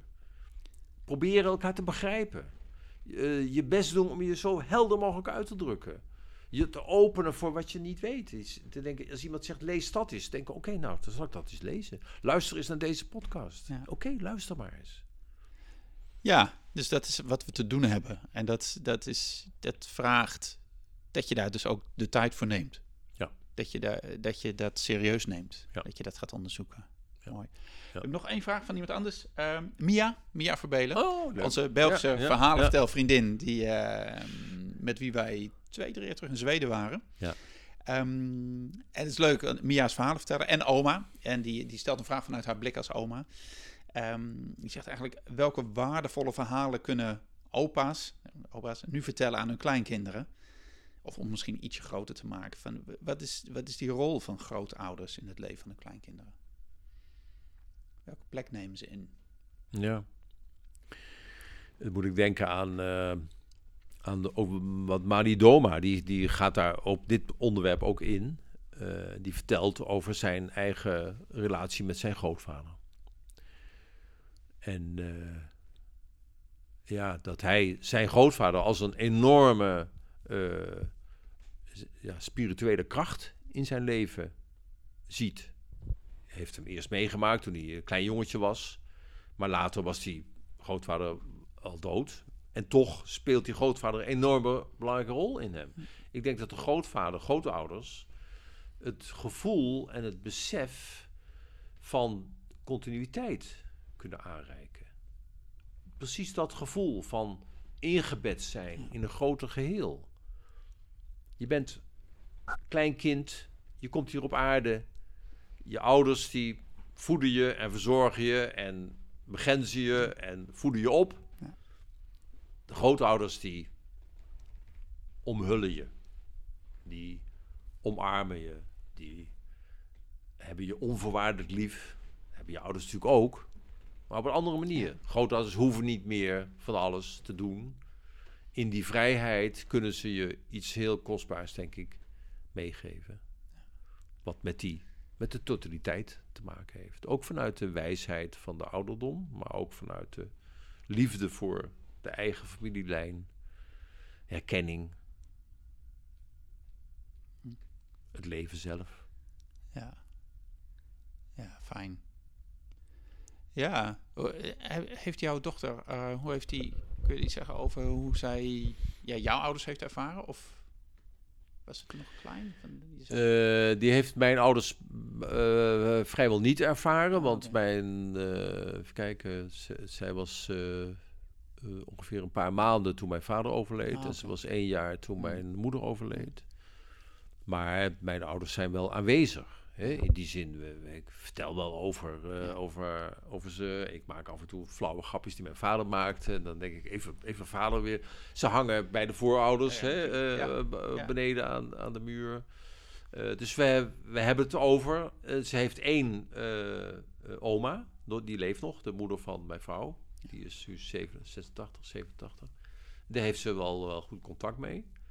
Maar mijn ouders heeft ze dus niet, eigenlijk niet gekend. Nee. Maar wel krijgt ze ze mee in mijn verhalen. ja. En ik, ja, ik kan met, nou, met humor ook wel, maar ook met liefde over ze praten. En dat, dat ik zeg ook wel eens tegen haar, eh, oh, dit, dit heb je, ja, het heeft natuurlijk heel veel alles van zichzelf, maar ik, ik herken heel erg mijn moeder in haar. Hm. Het is een foto van haar op tweejarige leeftijd gemaakt eh, door mijn zwager. En zag ik een foto van mijn moeder op tweejarige leeftijd. En dat is echt exact hetzelfde. Oh ja. Ik denk, dat, is, dat, is, dat is mijn moeder. Ja, dat vind ik ontroerend ook. Ja. Dus eh, dat krijgt ze mee. Dat, die verhalen krijgt ze mee. De liefde krijgt ze mee. En ik denk dat ze, dat ze ergens een lijntje ook wel voelt. Ja. ik, ik, eh, ja dat, ze, dat dat ook dat dat nog... Hè, dus je is daar niet zo mee bezig. eh 17 jaar, dan denk je, het zal allemaal wel. Maar af en toe denk ik, oh ja, dat is mooi. Dat komt, ik zie iets. Ik zie Ja. iets doorschemeren. Ja. Ja, hey, en, en hoe heeft dat, hè, je zegt je dochter is 17, ehm, hoe heeft dat, dat misschien wat mannenwerk of überhaupt, hoe heeft jouw vaderschap, vaderschap zich ontwikkeld in die 17 Ja, jaar, zeg maar? ja, Dus, Nou, is, eh, zeker eh, eh, heeft zich dat ontwikkeld. Er is meer bewustzijn, denk ik, bijgekomen. Ook omdat mijn vrouw ehm, daar actief in is. Die, heeft, die, die is nu een traject, biedt zij aan, online ook, rond het maken van een Menarche-boek. Menarche is de eerste menstruatie van een meisje. En Dederiek heeft al toen Emma tien was, denk ik, is ze daarmee begonnen. Heeft ze een boek gemaakt met eh, verhalen en informatie en de kunstwerkjes, heel mooi gemaakt, over als een soort viering van de eerste menstruatie van onze dochter. Dus het is er, ik denk, drie jaar mee bezig geweest. En toen Emma haar eerste menstruatie kreeg, toen wij toevallig in Zweden waren, notabene. Mm. eh, Dat was een jaar eerder dat, dat wij er waren. Ja. Eh, hoorden wij dat ze voor het eerst ongesteld was. En toen kwamen we thuis. Toen heeft Tederik heeft haar dat boek aangereikt. Ah. En toen hebben we een maaltijd gehad. eh, een beetje ritueel met allemaal rode voorwerpen. Nou, dat is allemaal... Dus we hebben het gevierd. Ja. We hebben de, de eerste menstruatie Ja. hebben we gevierd. En Emma was helemaal... Die zei van, krijgt elk meisje zo'n boek? nee. Maar Diederik, is dat dus hè, da- daardoor geïnspireerd? Is ze dit nu met vrouwen, eh, moeders van jonge meisjes, is ze dit nu als traject aan het doen? En voor het eerst gaan wij samen daar ook iets in doen. Want eh, er kwam een vraag van een man die zei: Ik wil ook wel meedoen met eh, iets rond de eerste menstruatie van mijn dochter. En toen hij- raakten wij er samen over aan het praten. Zei ja, er is er dus iets te doen waar ik ook een rol in speel. Ja. Dus ik speel ook een rol. Ik ben als e- enige man sta ik in dat minargeboek voor Emma. Mhm. Aan het eind heb ik een brief aan Emma geschreven over menstruatie, over ja, man-vrouw, over dingen. Dus wij, wij hebben daar een gesprek over. Ja. En dat is denk ik heel erg belangrijk. Wat mannen, wat vaders daarin te doen hebben, of mogen doen, of kunnen doen, is nou, bijvoorbeeld dingen uitleggen over, over hoe mannen in elkaar zitten. Hoe anders mannen in elkaar zitten dan vrouwen. Hè? Eh, er zijn verschillen. Ik heb bijvoorbeeld in, in die brief heb ik iets gezegd over seksualiteit, dat, dat mannen en vrouwen daar verschillend in zitten. Dat mannen veel sneller opgewonden zijn, bijvoorbeeld. Hè? En dat mannen veel meer visueel eh, kijken. Ja. Eh, veel meer sneller eh, denken. Oh, terwijl vrouwen, vrouwen gaan veel meer voor de verbinding en dan de seks. Mannen gaan voor de seks en dan de verbinding. Zeg maar, dat, dat verschil heb ik aan haar ja, geschreven. En ik heb het ook wel eens met haar over. En ze heeft nu een vriendje. Ja. Het, ze heeft al meerdere vriendjes gehad. Maar ik heb daar wel eens wat over, over gezegd. Ik heb ook ja, gewaarschuwd, is een groot woord, maar wel gezegd. Besef je als meisje en je hebt een heel eh, kort rokje of een, eh, of een decolletéetje of wat dan ook aan. Dan is het goed dat je beseft dat je daarmee effect hebt. Niet dat je dat niet mag. Hè, van dat je, hè, dat je sluier bij wijze van spreken Nee. om zou moeten. Nee, nee, je mag het vieren, je mag het laten zien. Maar weet wat, wat dat doet. Wat dat doet bij jongens die meteen wel binnen 30 seconden al oh, helemaal... Hè? Ja. Nou, dat, dat, is, dat is dus een onderwerp waar we het over kunnen hebben. Ja. Dus het is in haar bewustzijn daardoor gebracht. En ik vind dat de rol van de vader. De vader weet namelijk waar hij het over heeft. Ja. Als het gaat over mannelijke beleving van seksualiteit. De, de vrouwen die weten dat niet, want die zijn, die zijn heel anders. Die zijn ook mensen natuurlijk allemaal, Ja. maar dat is de rol van de vader. Ja. Net zo goed als ik als vader met haar meega naar open dagen voor vervolgopleiding. Ja. Ik vind, misschien heel traditioneel, maar de vader, de man is meer van de, de wereld in. Ja. Dus ik ga met haar mee. En ik hou dat ook in de gaten. En heb je je al aangemeld? En wat wil je? Wat kies je? Wat, wat, waar denk je aan? Welke Ja. opleiding?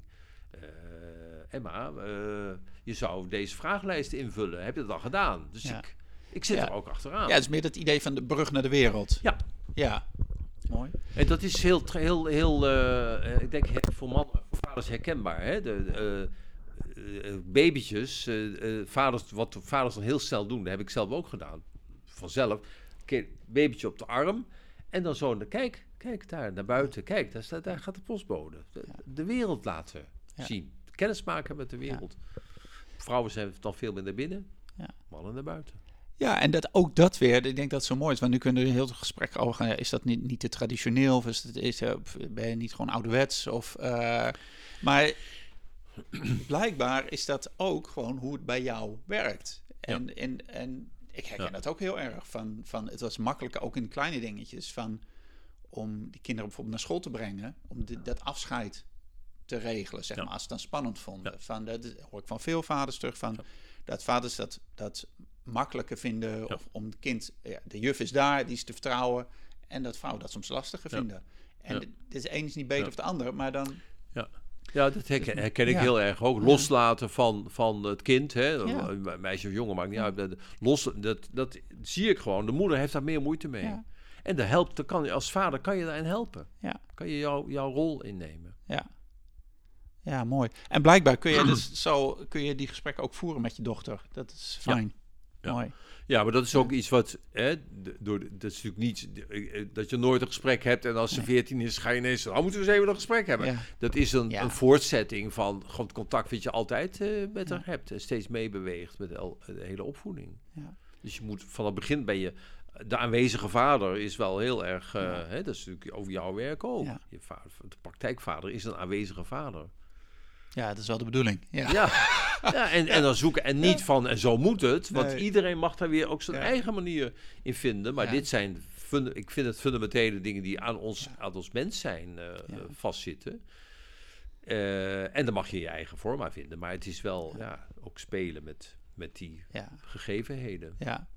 Ja, en het voordeel wat nu door mijn hoofd schiet van op het moment dat ik het niet ben, zeg maar, dan krijg ik terug van die jongens, of ook van Roos tenminste, die zijn er pubers nu van, hé, je praktijkvader, eh, je bent wel veel afwezig de laatste tijd, hè?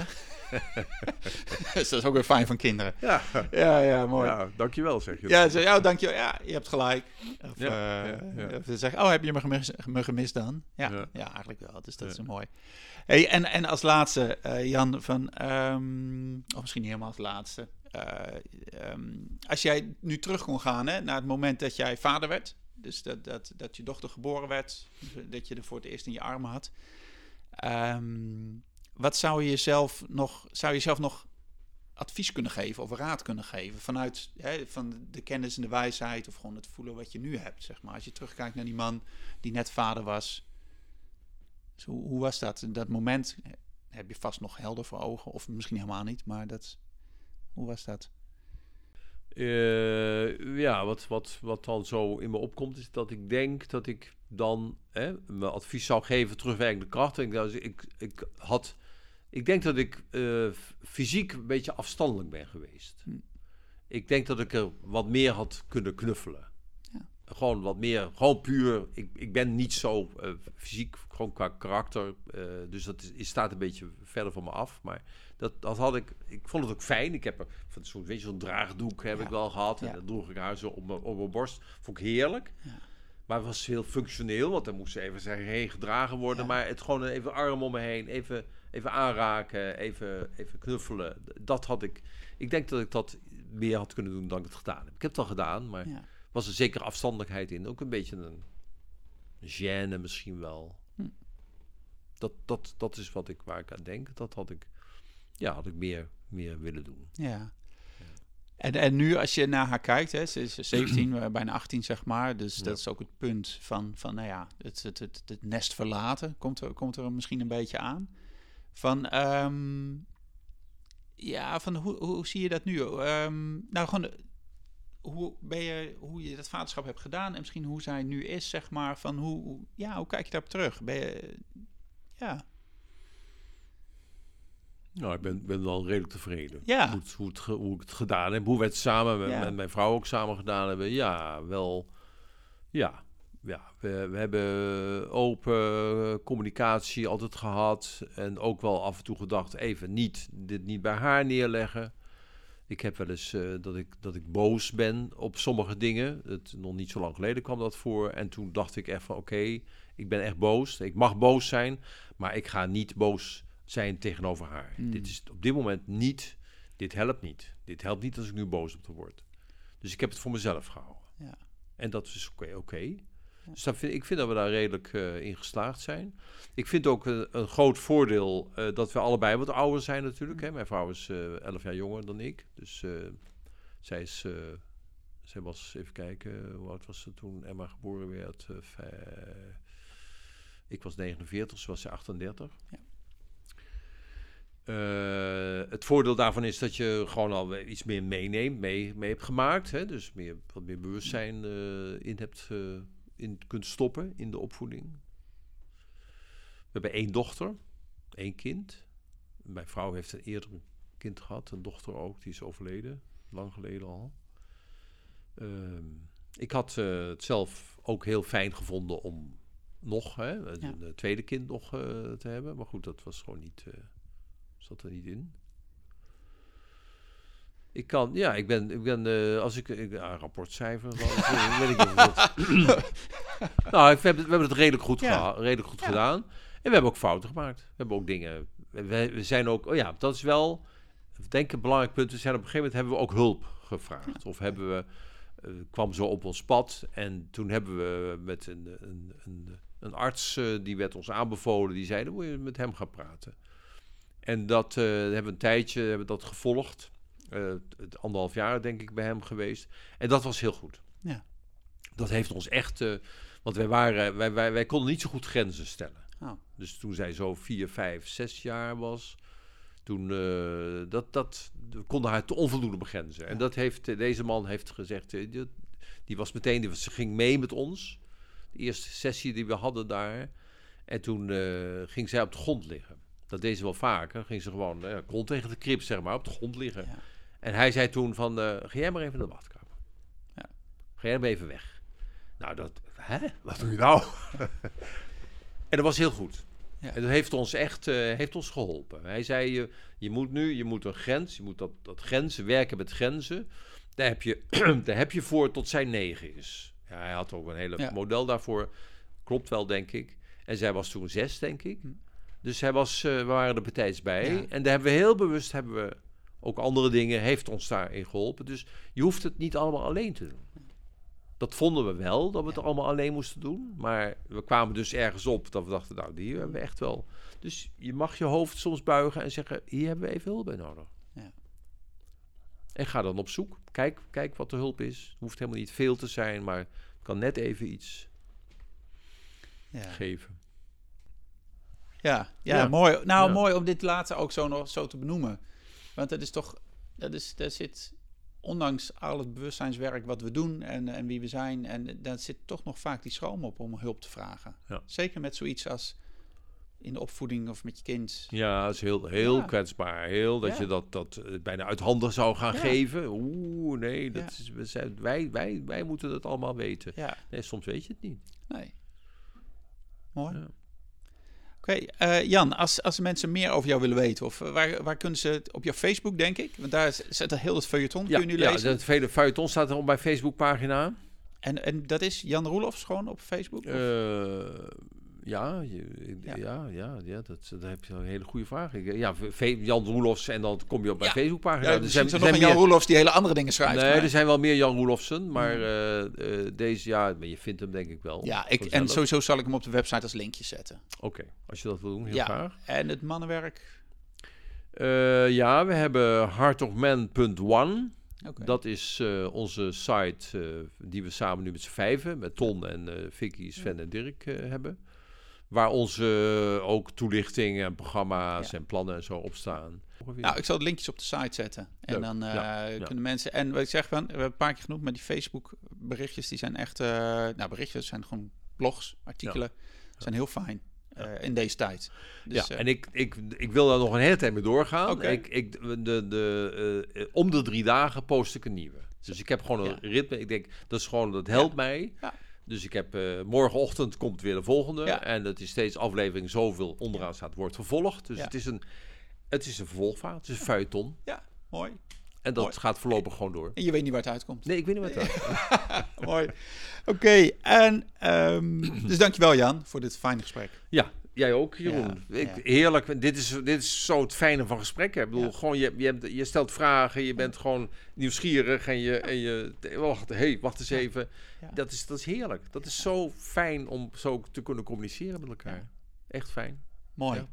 Oké, en als je zit te luisteren, eh dankjewel. Fijn dat je er was. En ehm, ja, zoals gezegd, de linkjes vind je terug op de website. Dat is praktijkvader.nl slash podcast.